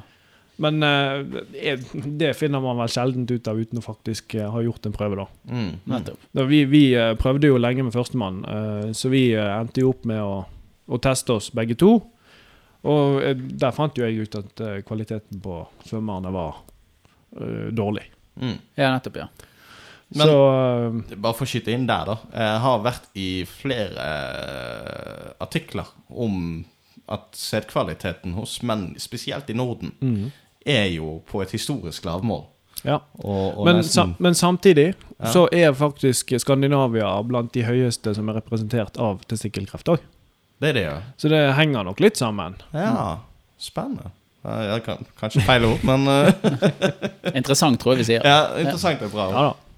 Men, Ja. men der må jeg si at jeg lurer jo litt på hva som er årsaken. Er det det at sædkvaliteten er dårlig, eller er det det at du egentlig har kreften allerede, og som forårsaker den dårlige sædkvaliteten? Mm. Det er ikke godt å si, Nei. tenker jeg, da. Men eh, eh, når man søker det opp, så får man opp at nedsatt sædkvalitet er et Symptom. symptom. symptom. Ja, ja. Hvordan, eh, når du gikk så, Ok, så du snakket med kirurgen, og da kan det ikke ha tatt så veldig lang tid, siden det allerede var en uke etterpå. Du sa det var to uker til du var inne på operasjonsbordet, så du snakket med kirurgen etter ca. en uke. Og I C så snakket du om at eh, du hadde snakket med noen andre òg, Ja, inn på jeg var jo, var jo inne på Ja, jeg hadde jo CT, selvfølgelig, i denne, disse to ukene. Full skann av eh, ja, nedre halvdel, da. Fra, fra brystet og ned til lårene, omtrent. Ja. Så tok de bilder hele. ja. Eh, de bildene fikk jeg jo ikke svar på før etter uh, operasjonen, da. Riktig. Men der ble det jo avdekket uh, spredning, for mitt tilfelle. Ikke sant. Mm. Så Så Så når du gikk ut av operasjonsbordet, så var du klar over at dette kommer til å fortsette, eller? Nei. Da var tanken at Nei, eh, Forhåpentligvis var vi der? Nei. Eh, De sa jo alltid at muligheten for eh, spredning var der, og jeg visste jo at vi ventet på bildene. Ja, ikke sant. Så, um, så han um, Eller hun kirurgen bommet jo litt, da. Jeg Jeg um, Jeg lå på da på post opp etter operasjonen. Rimelig bedugget etter narkose og alt dette her. -hmm. Og så kom hun opp liksom bare for å se til meg, da. Og så sa hun at hun hadde fått svar på bildene. Ja. Og så spurte jeg ja, så dere noe. Og så sier hun bare ja, vi tar det i morgen. Ja, Ja. ikke sant. Det er jo ikke så Altså, det, det hadde jeg Faen, jeg hadde hatt skutt henne, tror jeg. Det var jo litt sånn Vi tar det i morgen. Få deg en god natts søvn, du. ja, Skjønner litt hvor det der min, går. mor, min mor og fruen sto jo òg ved, ved min sengesiden der da, da. Når hun sa dette, og de òg bare OK. Ja, ja. De la jo to og to sammen, så de hadde jo snakket sammen på vei hjem fra sykehuset. Ja. Men eh, nei da, så dagen etterpå så fikk jeg jo bekreftet at det var spredning til, til en lymfeknute eh, midt i, i eh, litt, litt over mageområdet, da. Ja. Ja. Men eh, litt på insight. Altså, vi har jo vært gjennom dette her før, du og jeg, på en måte. Men du har jo, skal du si, reiseveien her eh, for spredningen. Så jeg forsto det som at det er liksom til første lymfeknut, og så kan det gå fra den lymfeknuten til en annen lymfeknut. Er det riktig? Ja, eh, de, fyll, de følger jo eh, blod og, og sikkert det der lymfesystemet, dette her eh, celle, celle, kreftcellene. Mm. Så ja, det sprer seg liksom langs et, eh, et nettverk i kroppen. Ja. Og de begynner gjerne der som den lymfeknuten som jeg hadde spredning til, det er gjerne der de begynner. ja, ikke sant. Det er liksom bare rett opp fra, fra skrittet, så går det rett opp. Um, Ja. Omtrent en hånd. Og, og derifra så sprer det seg videre. Ikke sant. Ja. Det høres jo egentlig veldig alvorlig ut, sånn som jeg hører det nå, da. Så jeg ja, hadde skutt meg sjøl, jeg. Altså. Nei, men altså, det høres, det høres veldig skummelt ut når du får vite at det er spredning, for det er jo en sånn ting man hører. Ja. Og med en gang man Men- hører at liksom en kreftpasient sier Ja, hvor går det? Nei, de har funnet spredning. Da er det sånn Ja, da er du gone. Ja. Men, men på dette tidspunktet så hadde jeg jo hatt samtaler med sykepleiere og kreftspesialister. Og dette her Og disse var jo mye mer positive enn han første urologen som la oss. Nettopp, Sant? ja. Der, har jeg fått, der har jeg fått all den statistikken som jeg har sagt til dere nå. Ja. Prognosen er god. Eh, du må gjennom et forløp, ja, men etter det så er, er nok tingene tilbake til normalen ganske fort, da. Men, hva, men ok, så du har vært inne på operasjonsbordet. Du har fjernet en testikkel som var ondartet kreftart, og du har funnet ut at du har spredning eh, oppi en lym- lymfeko- lymfeknute ca. en håndlengde, armlengde En nevelengde, nevelengde unna. Så Armstrong hadde jo opp i hjernen. Altså, hva, har du gått videre progr- på et program etter det? Eller? Du, du fjerner jo ikke det med å fjerne en testikkel, regner. Nei. Eh, så var det jo eh, eh, Når de hadde funnet at det var spredning, så måtte de ta biopsi for å faktisk sjekke at det ikke bare var en eh, stor lymfeknute. Mm. Eh, for han var eh, Svulstene blir visst målt eh, på størrelse, ut ifra om eh, de tror det er ondartet kreft, eller om det bare er en stor lymfeknute. Og Ja, min For var- lymfeknuter kan bli betent, og dermed også bli stor. Ja, Det kan du si. Ehm, og ehm, min var akkurat sånn i grenseland for om det var uh, kreft i den eller ikke. Mm. Så de måtte inn og ta biopsi av Ja. den eh, Jeg bare skyte inn et lite spørsmål til. Uh, du sier jo det at de to, de, du, det var den lymfeknuten de fant. Er det sånn at i dette området du ble skannet på, er det flere lymfeknuter i det bildet? Ja, det vil jeg tro, ja. Ja. Der uh, kan jeg ikke svare helt uh, 100 Nei. Uh, hvor Men altså, lymfeknuter sitter jo hovedsakelig i halsen, og de sitter under armene, og så har du ned gjennom buken. Ja. Ja. Nei, ok, så sannsynligheten ut ifra det vi kan tolke, er at det er flere, men du, de fant bare i De, én. de fant bare på CT-en, så fant de bare på den. Det Ja. antageligvis er det, har de nok sett uh, flere lymfeknuter hvis de uh, Hvis de hadde vært betent, så hadde de nok sett de på CT-en òg. Ja, ja. Det hadde de nok. Eh, men samtidig så tar de jo blodprøver som, der de ser etter markører på disse tingene. Ikke sant. Så man ser gjerne markørene før man ser det på en CT, da. Ja. Og noen ganger motsatt. Det er jo veldig individuelt, altså, akkurat det der. Ja. Så Nei, så det var jo da inn og så uh, ta biopsi. Og det er vel egentlig den verste biten jeg var igjennom i hele forløpet. Jeg har, stilt jeg har eh, latt være å stille dette spørsmålet, for jeg har lyst til å bli dømt for en som ikke vet hva det er. Men nå tenker jeg at eh, lurer jeg på noe, dette lærte vi på barneskolen, lurer du på noe, så lurer sikkert veldig mange andre på det. Hva er en biopsi? Det, det at de går inn og så tar en uh, bit av uh, det de skal sjekke, da. Ja. Uh, og i mitt tilfelle så skulle de ta biopsi av denne lymfeknuten. Ja. Og som sagt, det var den verste biten, for da, må de inn. ja, da åpner de deg, og så går de inn, og så skjærer de av en bit, eller? Nei, de åpner deg ikke.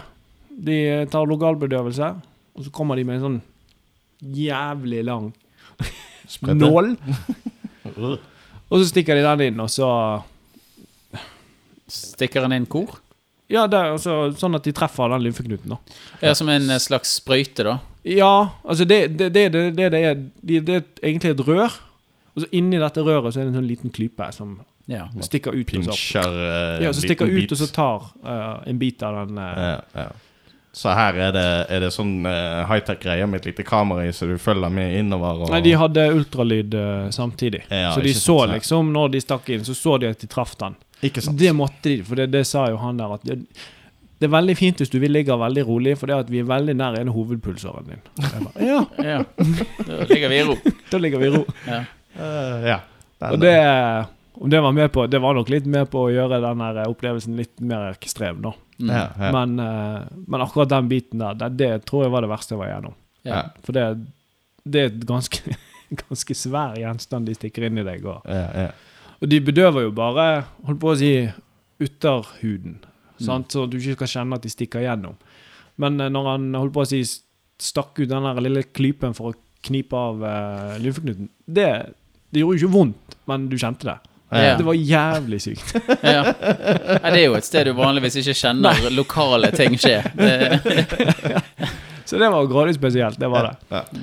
Ehm, og så var det jo å få svar på den uh, biopsien, og de fant jo ut at der var det kreftceller. Så uh, da var det jo uh, å behandle det. Og det, i mitt tilfelle, var jo da cellegift. Å ja. Så Ja. du var på en cellegiftkur? Jeg måtte ha en cellegiftkur. Ja. Eh, og i testikkelkrefttilfellet så er det en sånn eh, velprøvd eh, kur som egentlig alle med testikkelkreft får. ja. Uh, og den holdt på å si tar jo knekken på det meste, da. Ja.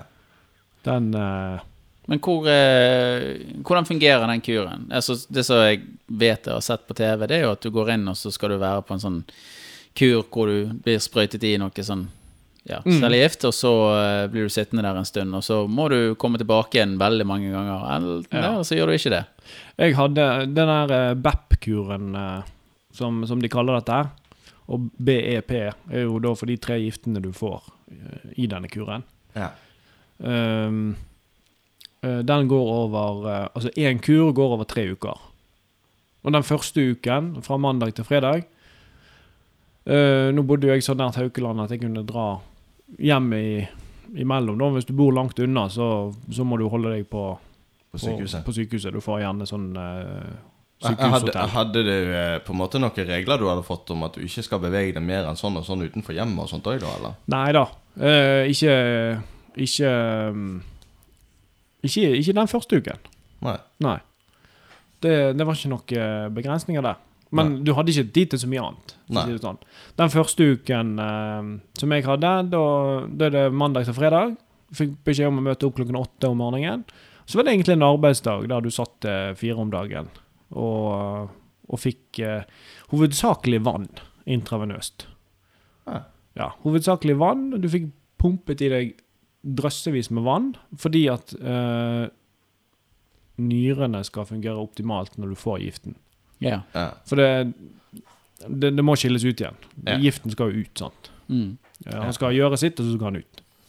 Ok. Er, er det sånn å forstå at du ikke hadde noe inntak av verken vann eller mat, eller Jo, jo. Ja, ok. Så Jo, det er bare liksom for å sørge for at nyrene fungerer? Det er ingenting i forhold til at liksom dette er det du får å, å leve på, på en måte? Nei, det var jo et, eh, eh, det var jo et anbefalt eh, daglig inntak jeg skulle ha av vann. Ja.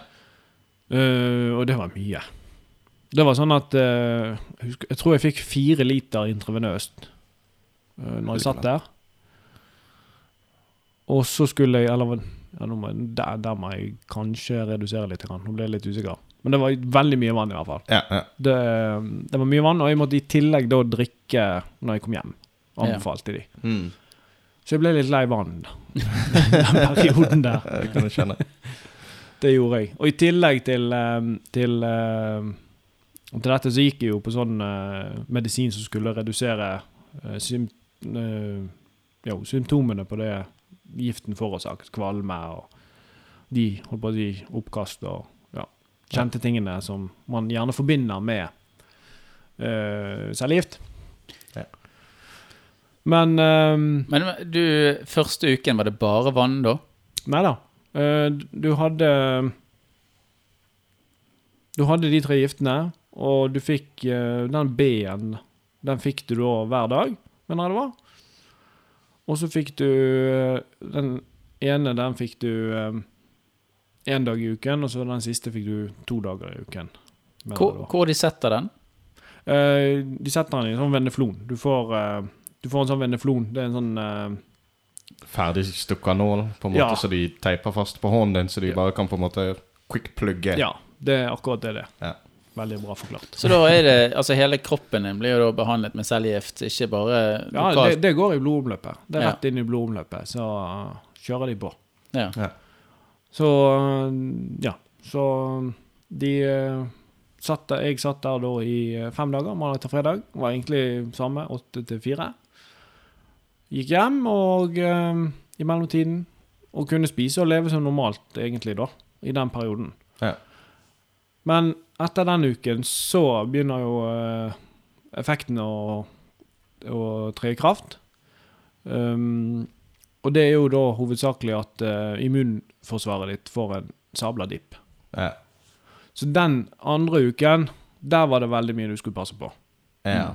Der skulle du uh, uh, prøve å, å si, isolere deg så mye som mulig, ikke utsette deg for eh, mange potensielle da, smittefarer. Ja. Um, og uh, man måtte følge veldig godt med på, på temperaturen, kroppstemperaturen. Uh, for det at hvis du fikk en feber, så var det et tegn på infeksjon. Og da var det, så lenge du fikk uh, nummer over 38, så var det bare å ringe til sykehuset ja. og komme ned. Ja. Og det skjedde første uken, eller første kuren min. Da, da fikk jeg eh, en infeksjon av et eller annet slag. Så da måtte jeg ned uke to. Og lå på eh, antibiotika der nede, da. Ikke sant. Dæven. Så det var, jo, det var jo litt sånn skummelt. Det var jo ikke noe behagelig å ligge der nede og være usikker, da. Men igjen, det var ikke noe sånn voldsomt ubehag med dette her. Nei. heldigvis, da. Så, og, og helsepersonellet som eh, jobbet eh, på kreftavdelingen der, de er jo bare fantastiske. Ja. Det er De er så rolige, og ja, de er veldig flinke til å oppmuntre deg om at dette er bra, og ja, du har god prognose på den krefttypen som du har. Så det, det var veldig Ja. Så du skal Nesten. holde deg i et uh, isolert uh, forhold når du har familie hjemme og hele pakken? Ja. Um, det gikk egentlig greit.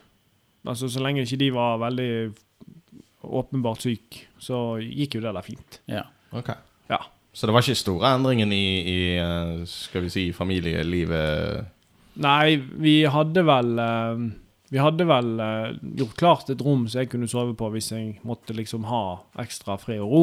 Ja. For, for det hvile er jo òg viktig å ha, da. Ja, ja. Så det var mulig. eh, at det var i hvert fall mulighet for det. Ehm, ja, Men ellers var ikke det så store forandringer, egentlig. Jeg bare tenker jo uh, Her er du på en kur som uh, mer eller mindre fjerner hele immunforsvaret ditt, og så er det små unger i hus, og uh, ja, det er Han, jo han var jo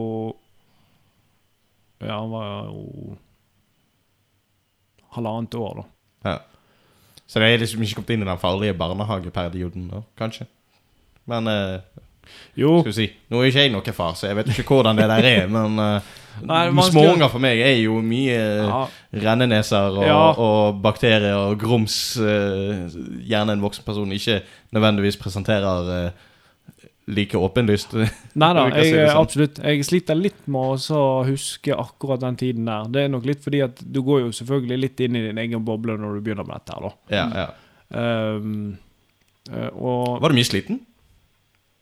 Ja, det er jo en av eh, en av effektene man kan få av dette. Det er jo det man kaller fatigue. Ja, ja, Utmattelsessyndrom. ja, ja.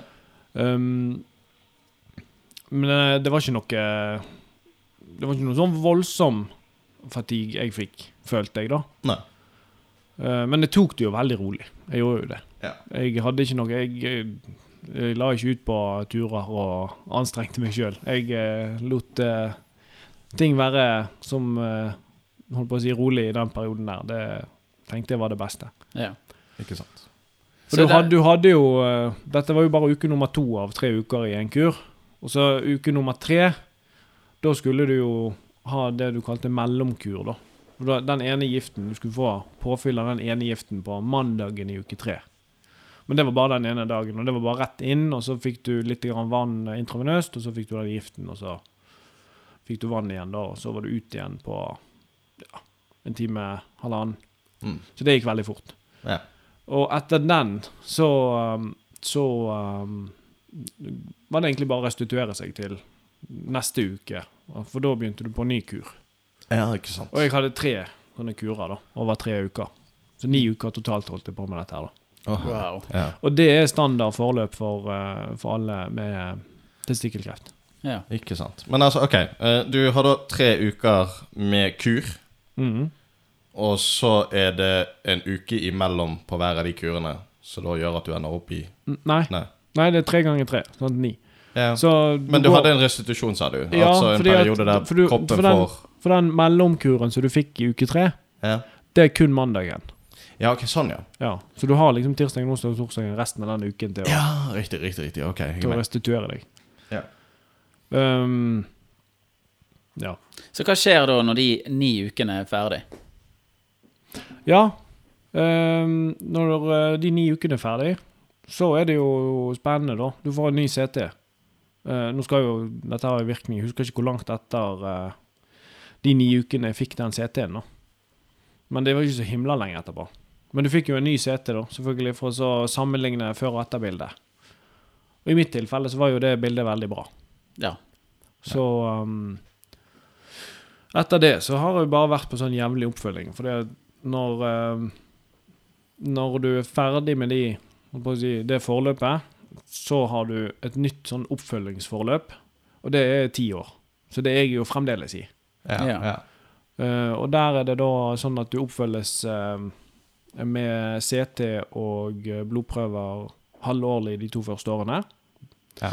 Og det er fordi at de to første årene det er da det er størst sjanse for tilbakefall. ja. nettopp. Og så er det fire år med ett der du får CT én gang i året, men du får blodprøver an, altså hvert halvår. ja. Riktig. Sånn at de ser etter disse markørene halvårlig gjennom hele forløpet, så vidt jeg har forstått. Nå er jeg bare eh, tre år ute i, Ja. i det forløpet på ti år. da. Ja. Ikke sant. Så, um, så jeg regner, Men eh, frem til nå så har jeg i hvert fall hatt blodprøver halvårlig, og så har jeg da CT-en årlig nå de to siste årene. Hvordan uh, opplevde familien din uh, altså både nærliggende og fjernliggende? Altså, du har jo nærfamilie her med kone og barn, og så har du da selvfølgelig familien rundt deg. Så da er Joakim være seg en av de, og foreldre og sånn. Hvordan opplevde de denne situasjonen? Eh, jeg tror egentlig det var verre for de enn for meg. Jeg eh, holdt på å si visste hvordan jeg hadde det, og som sagt, dette har gått veldig fort. Ting skjedde slag i slag.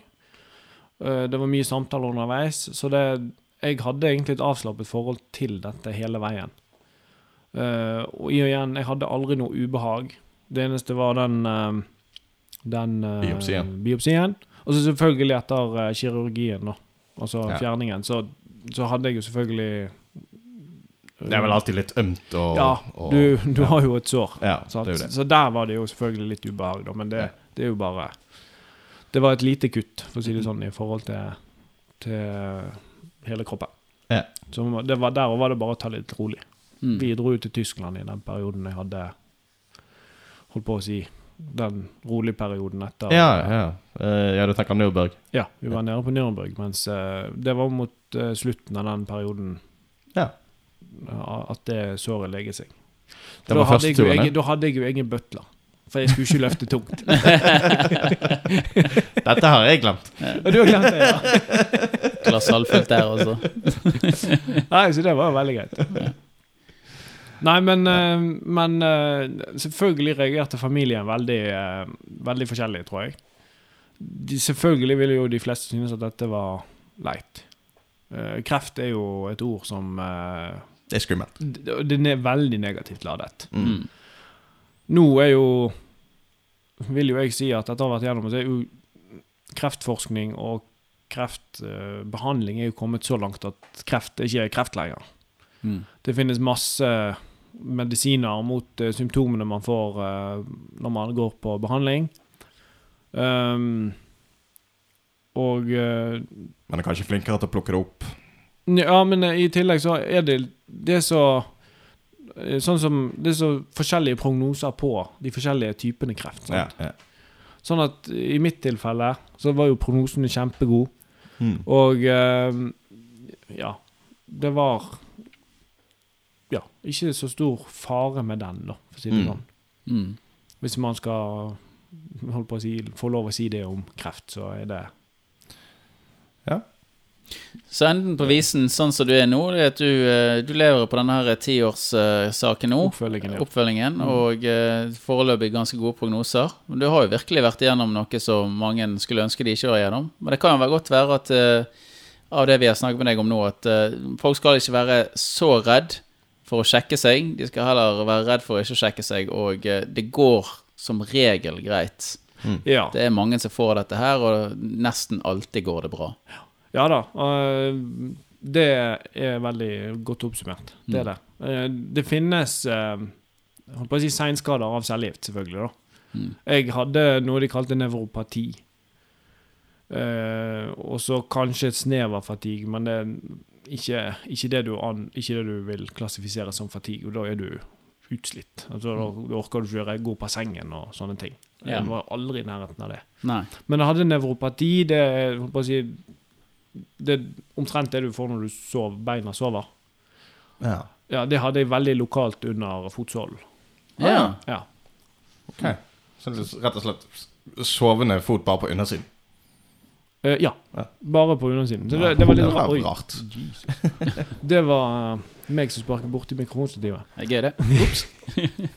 Men eh, nei, det var, det var en spesiell følelse. Det var det jo. Ja. Men eh, der igjen, det var jo en liten eh, konsekvens av det jeg hadde vært igjennom. Ja, ja, ja. Så det var jo ikke noe problem. Og, og per i dag så har jeg enten blitt helt vant til det, eller så er det vekk.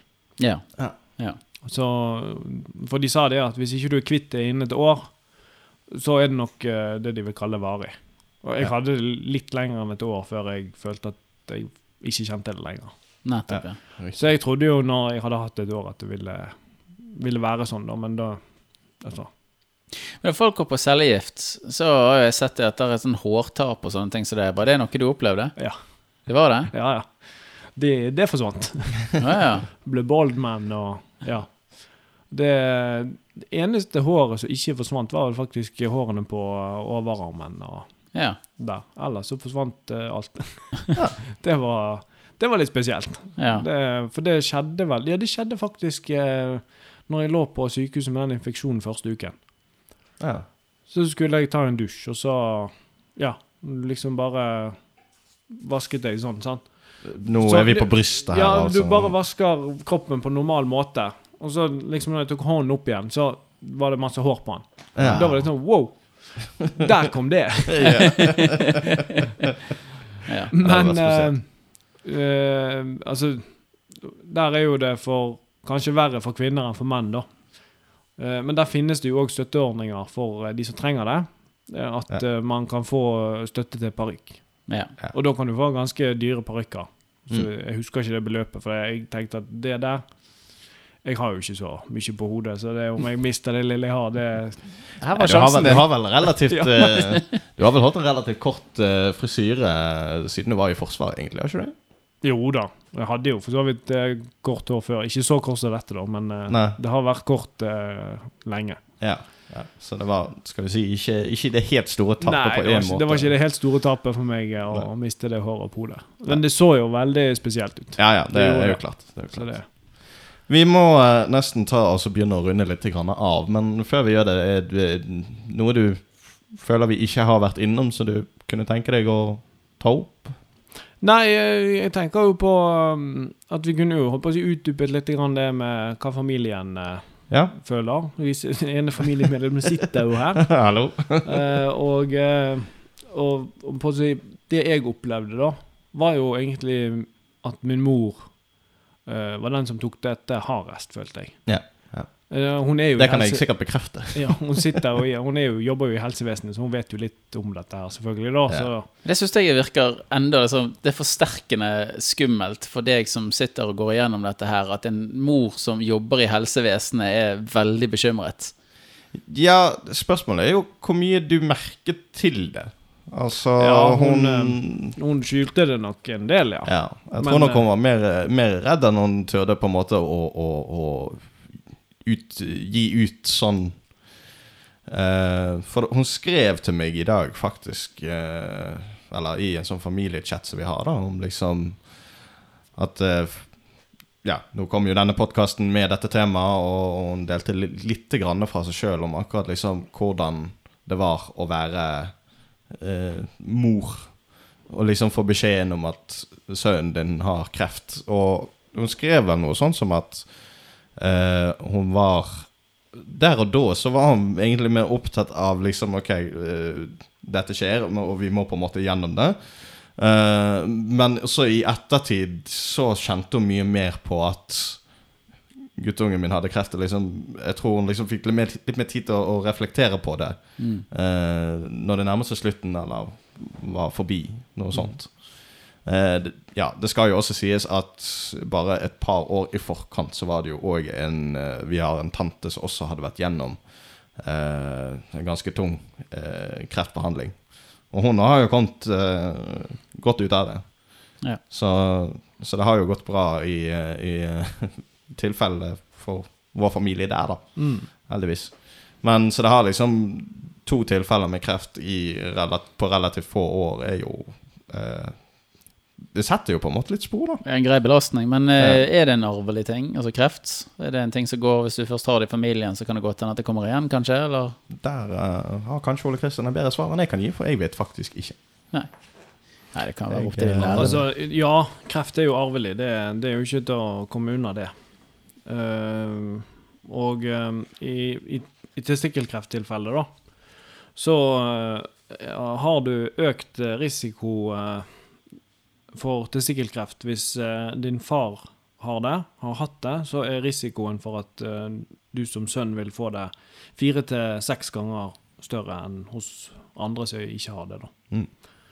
Uh, men det som egentlig er størst sjanse, det er holdt på å si mellom brødre. Det har vi vel Det er et godt poeng. det er. Jeg har tenkt på det, men jeg har glemt å skyte det inn en plass. Da må, har du gått til eh, Har du Jeg, gjort noe? jeg, jeg eh, fikk uh, riktignok gjennom Ole Kristian eh, beskjeden om at du burde gå og ta en, eh, ta en test for å se om det er noe som, som eh, skjuler seg. Ja. Eh, men jeg hadde jo ikke merket noe, fordi vi hadde jo vært inne på liksom temaet liksom, Ok, du har kreft, og hvordan ble det oppdaget? Sant? Så var det liksom jeg jeg kjente det var noe rart med pungen, så jeg hadde jo vært ganske kjapp hjemme, tror jeg, etter at det ble sagt. liksom eh, Gnikket litt på, på stellet. Og jeg kunne ikke finne noe der. Og det er klart det at eh, jeg kom jo da eh, liksom Ok, jeg følger dette her. Jeg husker ikke helt hvilken retning jeg gikk, men jeg var sikkert eh, innom en lege på Volvat, jeg òg. fikk en henvisning til eh, Er det CT de bruker? Nei, det er ultralyd. Det er ultralyd. Ja, det må ha vært ultralyd. Ja, det er ultralyd. CT får du ikke. Nei, nei, nei, nei, det er ultralyd. Sånn som eh, på gravide damer og slikt. Eh, så da var det jo inn på en benk og ned med buksen og liksom fram med den her greien og gluen og det Merkelige greie, altså. Får denne geleen og driver og ser på en skjerm mens de driver og ja, skubber rundt på pungen din, rett og slett.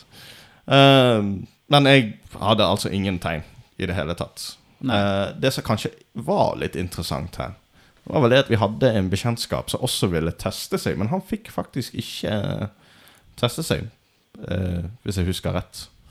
Ja, kan vel stemme, du. Ja, det var et eller annet der, ja. Ja. Og da eh, Da var det liksom Tydeligvis hadde jeg fått rett og slett fordi at jeg var eh, nemlig bror eh, eller familie til eh, vedkommende som hadde kreft, og dermed så var det viktigere å få sjekket det. Det er ikke nødvendigvis noe du får eh, Mest sannsynlig er jo dette her noe som på en måte ble tatt i Jeg kan ikke huske at jeg betalte noe. Det kan jo hende jeg gjorde det, kanskje ikke. Men eh, de, de har iallfall avsatt tid, og mest sannsynlig òg eh, eh, at det har gått på, på ja, statskassen, kan vi si. Mm. ja, nettopp, ja. Eh, så hvis han eventuelt skulle sjekket seg, så måtte han jo eventuelt stått standhaftig på det, og så lagt ut for det sjøl. Ja. Så Ja. det er jo litt det, da. ja. Eh, liten forskjell der òg. Det er ikke nødvendigvis bare å stikke til en lege og si det, at jeg har lyst til å få sjekket meg, og så får du et ja på det. Mm. Mm. Uh, litt merkelig, kanskje, men uh, det Det var må nå en være litt ekkelt å være inne likevel, for du skal jo Ja, ja, ja, vente nei, på et svar. var, jeg, var, jeg husker uh, i alle fall de siste timene før liksom timen eh, når jeg skulle liksom ta ultralyden om, om dette her eh, det, det var en reell frykt for at liksom har jeg noe testikkelkreft. Ja. Så det, det er klart det at når du ligger der, så er det sånn oh, Ja, Hva, hvor, hvor, hvor hva, ender jeg henne? hen? ja, hva skjer nå? så? Ja. ja. ja. Så det og, og for å svare for min del i forhold til det med nær familie og hvordan de reagerte, jeg kan jo bare ta min egen reaksjon på det, så eh, Jeg er vel kanskje litt naiv, men eh, jeg, jeg fikk vel beskjeden om at det liksom var kreft, og så tenkte jeg faen. Jeg finner meg ikke i det. Jeg nekter å, å liksom la dette påvirke meg negativt eh, før det er gått dit hen. ja, sånn, ja. Eh, så liksom Inntil liksom det lå noe annet om at eh, det var en reell fare for at Ole Kristian eh, her kom til å eventuelt går bort eller noe sånt, så Valgte du å være positiv? ja. Ja. Eh, egentlig ikke pay Jeg vil ikke gi det noe mer plass enn at jeg vet at du er der. Eh, jeg vet at eh, beskjedene som eventuelt måtte komme, de, de får komme når de kommer. Ja, ja, sånn. Og inntil da så tenker jeg det er bedre for meg, det er bedre for Ole Kristian. Egentlig å holde positiviteten og livsgleden i, i, eh, i det hele. Mm. For jeg er kanskje litt teit, jeg vet ikke om det er noen eh, undersøkelser på det, men jeg har en liten tro på at liksom Spesielt i kreft, hvis det er en livsglede, og så lenge det liksom er noe å, å, å eh, Skal man si man har, man har Jo mer lyst man har til å leve, jo bedre går det med å bli kvitt kreften. Mm. Det, kanskje det er riktig, kanskje det er feil, men det er i alle fall en greie jeg har valgt å, å, å gå for. Mm. Sånn at bare det å på en måte kunne, kunne Liksom ikke, ikke, ikke for mye medynk, ikke for mye sånn ah, er heller liksom prøve å holde det normale og prøve å, å, ja, Ja, støtte ja, litt på den normalt. måten. Ja. ja, nei, det Sånn at eh, Kanskje det er naivt, kanskje det er idiotisk, jeg vet ikke. Men jeg, jeg prøvde å ikke la det påvirke meg så veldig mye, selv om det på en måte lå en sånn liten sånn eh, greie bak i hodet om at liksom Ok, det er en kreft, og det er Ja, det er jo skummelt. Folk er jo veldig forskjellige i sånne situasjoner som dette her. De får liksom impulser på hvordan de er nødt til å oppføre seg, og det som ganger deg sjøl best, det er ikke en egoistisk valg, det er bare det at dette er det jeg har et behov for å gjøre akkurat nå, og det er sånn jeg kommer til å være. Ja, ja. Mm. Nei, jeg og jeg òg tenker det at eh, man, hvis, hvis man beholder livsgleden, så vil jeg tro det har en positiv effekt. Da er det en fordel å være på en arbeidsplass med verdens beste utsikt. Oh yes. Jeg fikk jo ikke jobbe i den perioden der, da. Nei. Sitter og bruker hvert, hvert våkne øyeblikk til å se Bergensbanen minutt for minutt. Ja, sant. Nei, akkurat det måtte bli en stopp eh, i den perioden der. Men det, ja. Det Der òg er jo holdt på å si velferdsstaten Norge er fantastisk. Mm. Dette her eh, gikk jo ja, bang, bang. Og um, alle disse medisinene som jeg fikk, alt det var jo uh, bare å hente ut. Uh, det sykeste var jo den ehm, sprøyten som man skulle få i uke nummer to av kuren. Uh, det var liksom en sånn ehm, eh, immunboost som skulle hjelpe immunsystemet å kickstarte og Ja. komme seg opp igjen.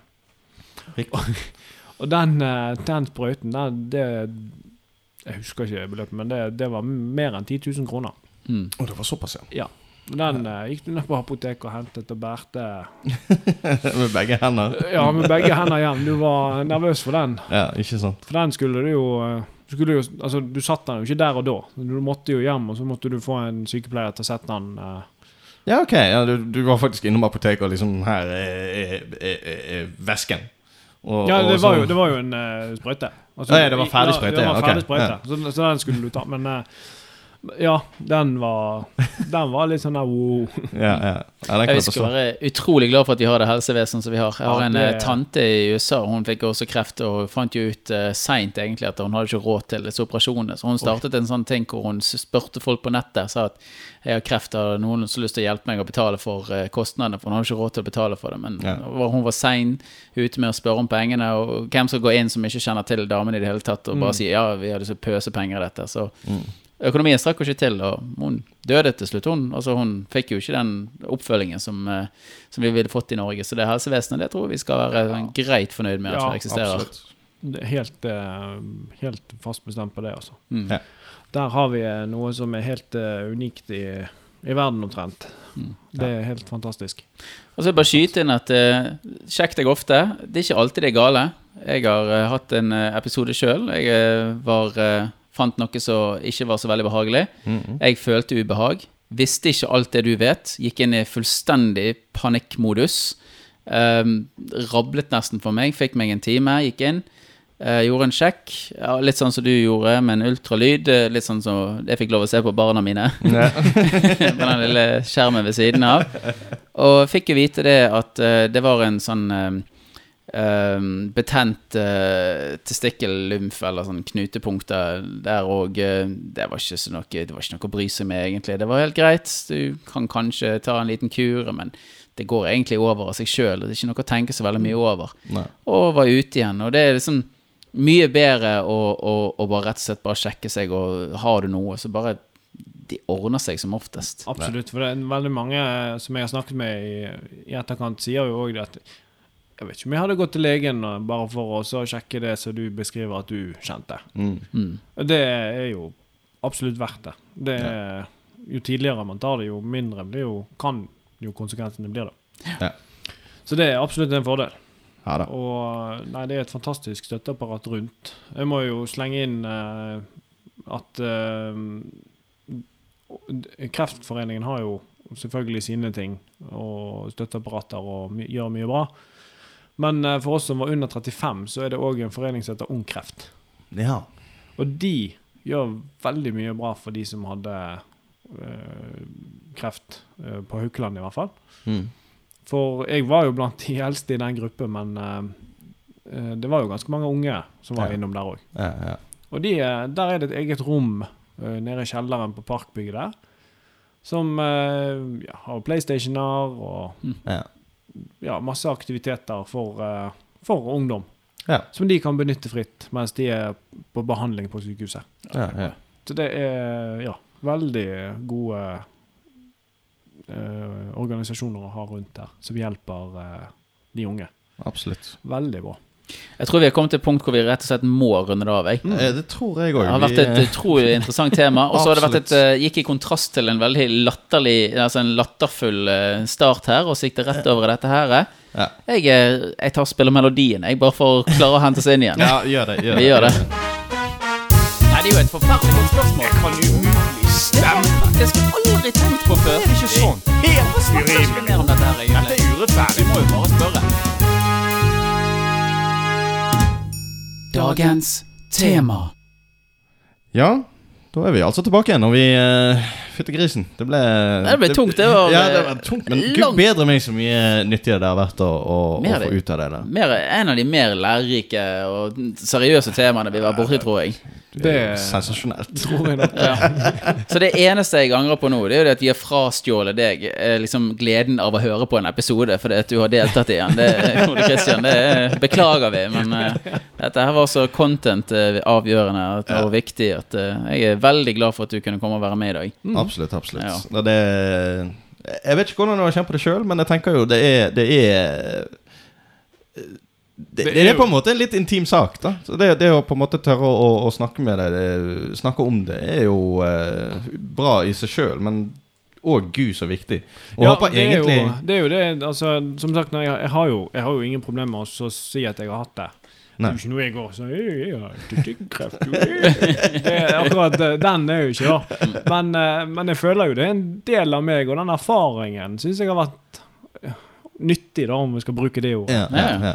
Så, så jeg liker jo å dele de erfaringene jeg har i livet. Og, og igjen, jeg får mye positive tilbakemeldinger når jeg snakker om det, fordi at eh, Ja, som jeg sa til innledningsvis, altså Folk eh, sier at ja, ja, det kjenner jeg en som har hatt. Så, Mm, mm. ja. Jeg håper jo egentlig bare det at uh, det kan bli mer snakk om det, at folk vet om Ja. uh, At man blir litt flinkere til egentlig uh, Ja, snakke om Ja, ting man kanskje ikke helt snakker om til vanlig, da. Mm. Mm, og for de, og de, for At man de får få litt inn i som har, ja, og de få som har hørt på dette, kan gjerne liksom være litt sånn ambassadører med ord til munnen når folk sier at de har hørt om eller de er bekymret for folk med testikkelkreft. Så sier ja, slenger frem litt statistikker og sier at uh, det er ikke så galt likevel. Mm. Det kan godt hende at det kommer til å løse seg, og eh, hvis det verste er at jeg faktisk har testikkelkreft, så går det som oftest greit. greit absolutt. å ha det under uh, jeg si det er greit å ha det under beltestedet, men uh, det er ikke, ikke figuratively. ja, men altså, det,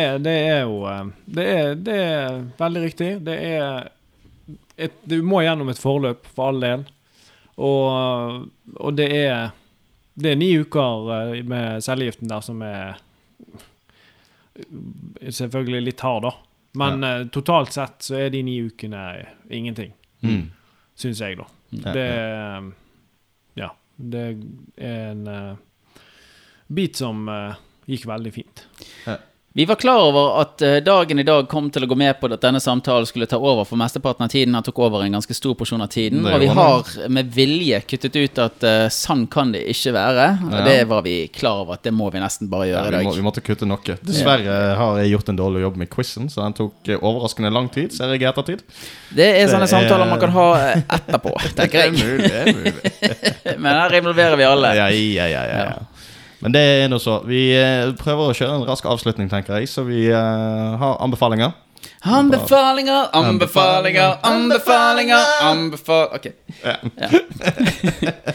Introlåt til det, det segmentet er still pending. Ja, absolutt. Ja, Nei, men uh, jeg begynner like så godt med min uh, egen lille uh, anbefaling. Og det er rett og slett en Netflix-serie som heter The Ingenuity of the House Husband. Det er en japansk uh, serie. Jeg lurer på om den er basert på en anime. Dette her er ekte film. Ehm, og ingen av episodene er lenger enn seks minutter, tror jeg. Så den er kjempekort, og det, det, det, er, en herl, det er et herlig avbrekk i hvordan en serie lages. Fordi jeg, jeg, jeg kan ikke huske å ha sett en serie som oppfører seg på den måten. Det er liksom korte, små, sånn hverdagslige, men lagt fram på en litt morsom måte, og litt sånn lærerik eh, greie om egentlig bare det å gjøre husholdningsoppgaver. Altså, første episoden så tror jeg han sliper en kniv. Ja, Så ja. det er liksom litt det det går i. Så det er liksom et herlig avbrekk i det å liksom skulle se på en serie. Liksom det skal være lange episoder, det skal ta så og så mye tid, og de skal eh, inneholde ditten og datten. Her er det liksom bare kort, greit, nydelig utført. Flott å se på. Så hvis du har lyst på en uh, litt alternativ uh, serie, rett og slett, og bare, bare for å få et avbrekk i hvordan en serie skal være, og noe litt nytt, da er altså The Ingenuity of the House Husband en serie jeg anbefaler. Det, altså det første jeg tar tak i her når du sier dette her, det er det at ehm, Jeg husker det når jeg har laget litt sånn musikk og sånn, så har alltid tenkt- at uh, du er nødt til å lage en tittel som folk kan huske, sånn at når du sier det til noen på gaten, så skal de huske det, sånn at de kan søke det opp igjen senere. Ikke sånn ord som de aldri kommer til å huske, for dette, det kommer de til å søke på. Og det er så, altså, på markedsavdelingen for The Ingenuity of the House House Husband har jo bommet fullstendig der. er mulig, men Ja. den er jo basert på I alle fall har en eller annen relasjon til en anime, altså en tegne, japansk tegnefilmgreie, som handler om en yakuza som er gått og blitt sånn uh, stay home dad-type ting. Ja. Uh, som heter The Way of the House Husband. Det var veldig litt- mye bedre. Ja, ja, Ja. Men det er jo bare det at det er en liten spin-off eller noe i den du Jeg vet ikke hvordan det egentlig henger sammen. Det, jeg har prøvd å finne ut av det, jeg finner ikke det. Nei. Det, det er for lite informasjon, iallfall så jeg kan finne. Ja. Uh, men ja, det, The Way of the House Husband er jo sikkert en derivasjon ifra The Way of Bushido. Som er en sånn japansk uh, samurai code of conduct-greie. Så ja. Uh, jeg tror det er derfor tittelen er som den er. ja. Ja, Ja, Han får være det han er. Han er det. Ja. Du har en eh, anbefaling du Eivind? Jeg har det. Jeg eh, går for en eh, mye Altså, du kan sitte ned og se seks episoder, eller du kan sitte ned Eller og. Du kan sitte deg ned og så kan du se en 15 minutters eh, liten sak som eh, ligger ute på YouTube. eh, som jeg egentlig anbefaler de fleste å se. Eh, Tilsynelatende utrolig barnslig, liten overpikselert film som er laget av en norsk eh, musiker i samarbeid med noen norske animatører. eh, som eh, overrasker mot slutten. En sterk han går fra veldig barnslig til voksent utrolig sterkt. Budskap. Budskap, ja. Og eh, den heter Pixelhjerte, ikke med X. Eh, Pixelhjerte med KS. Eh, bommer, skriver du Pixelhjerte med X, så eh, kan det godt være den ikke dukker opp. Så eh, den anbefaler jeg. Det er egentlig bare det. 15 minutter eh, norsk kvalitet. Eh, vel gjennomført. det er faktisk norsk. Han er norsk, ja. Oh, er norsk. De snakker på norsk. Oh, ja. Ja da. Den er tvers igjennom. Men eh, vakker uh, fortelling. uh, så de klarer å få presset ned til 15 minutter. Det kunne vært en spillefilm, men eh, han er fin sånn som han er. Ikke Og ikke skru av fordi at du syns at dette virket litt for barnslig i starten. Han, han er veldig barnslig i starten, og han er veldig spillrelatert. Mm. Det er. Så dagens anbefalinger fra oss to så langt er vel innenfor en time. Ja. Jeg tror du bruker kvarter på begge to, kanskje. Ja. Ja, Sole Kristian, eh, hvis du har noe, så skal du gjerne få slenge det på. Nei, vi, jeg kan jo holde meg til holdt på å si, tema som vi har snakket om det. Må jo bli å anbefale å sjekke deg, da. Ja. Sjekke Bli kjent med dine kjære og holdt på å si. Kjenne på dem.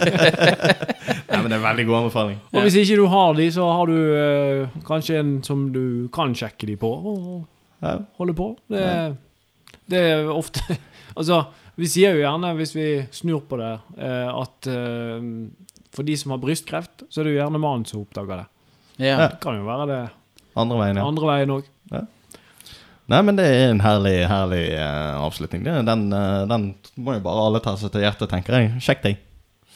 Enten du er nå både en mann eller dame. Og med det så sier vi takk for oss. Takk for oss. Takk for oss. Tilbake.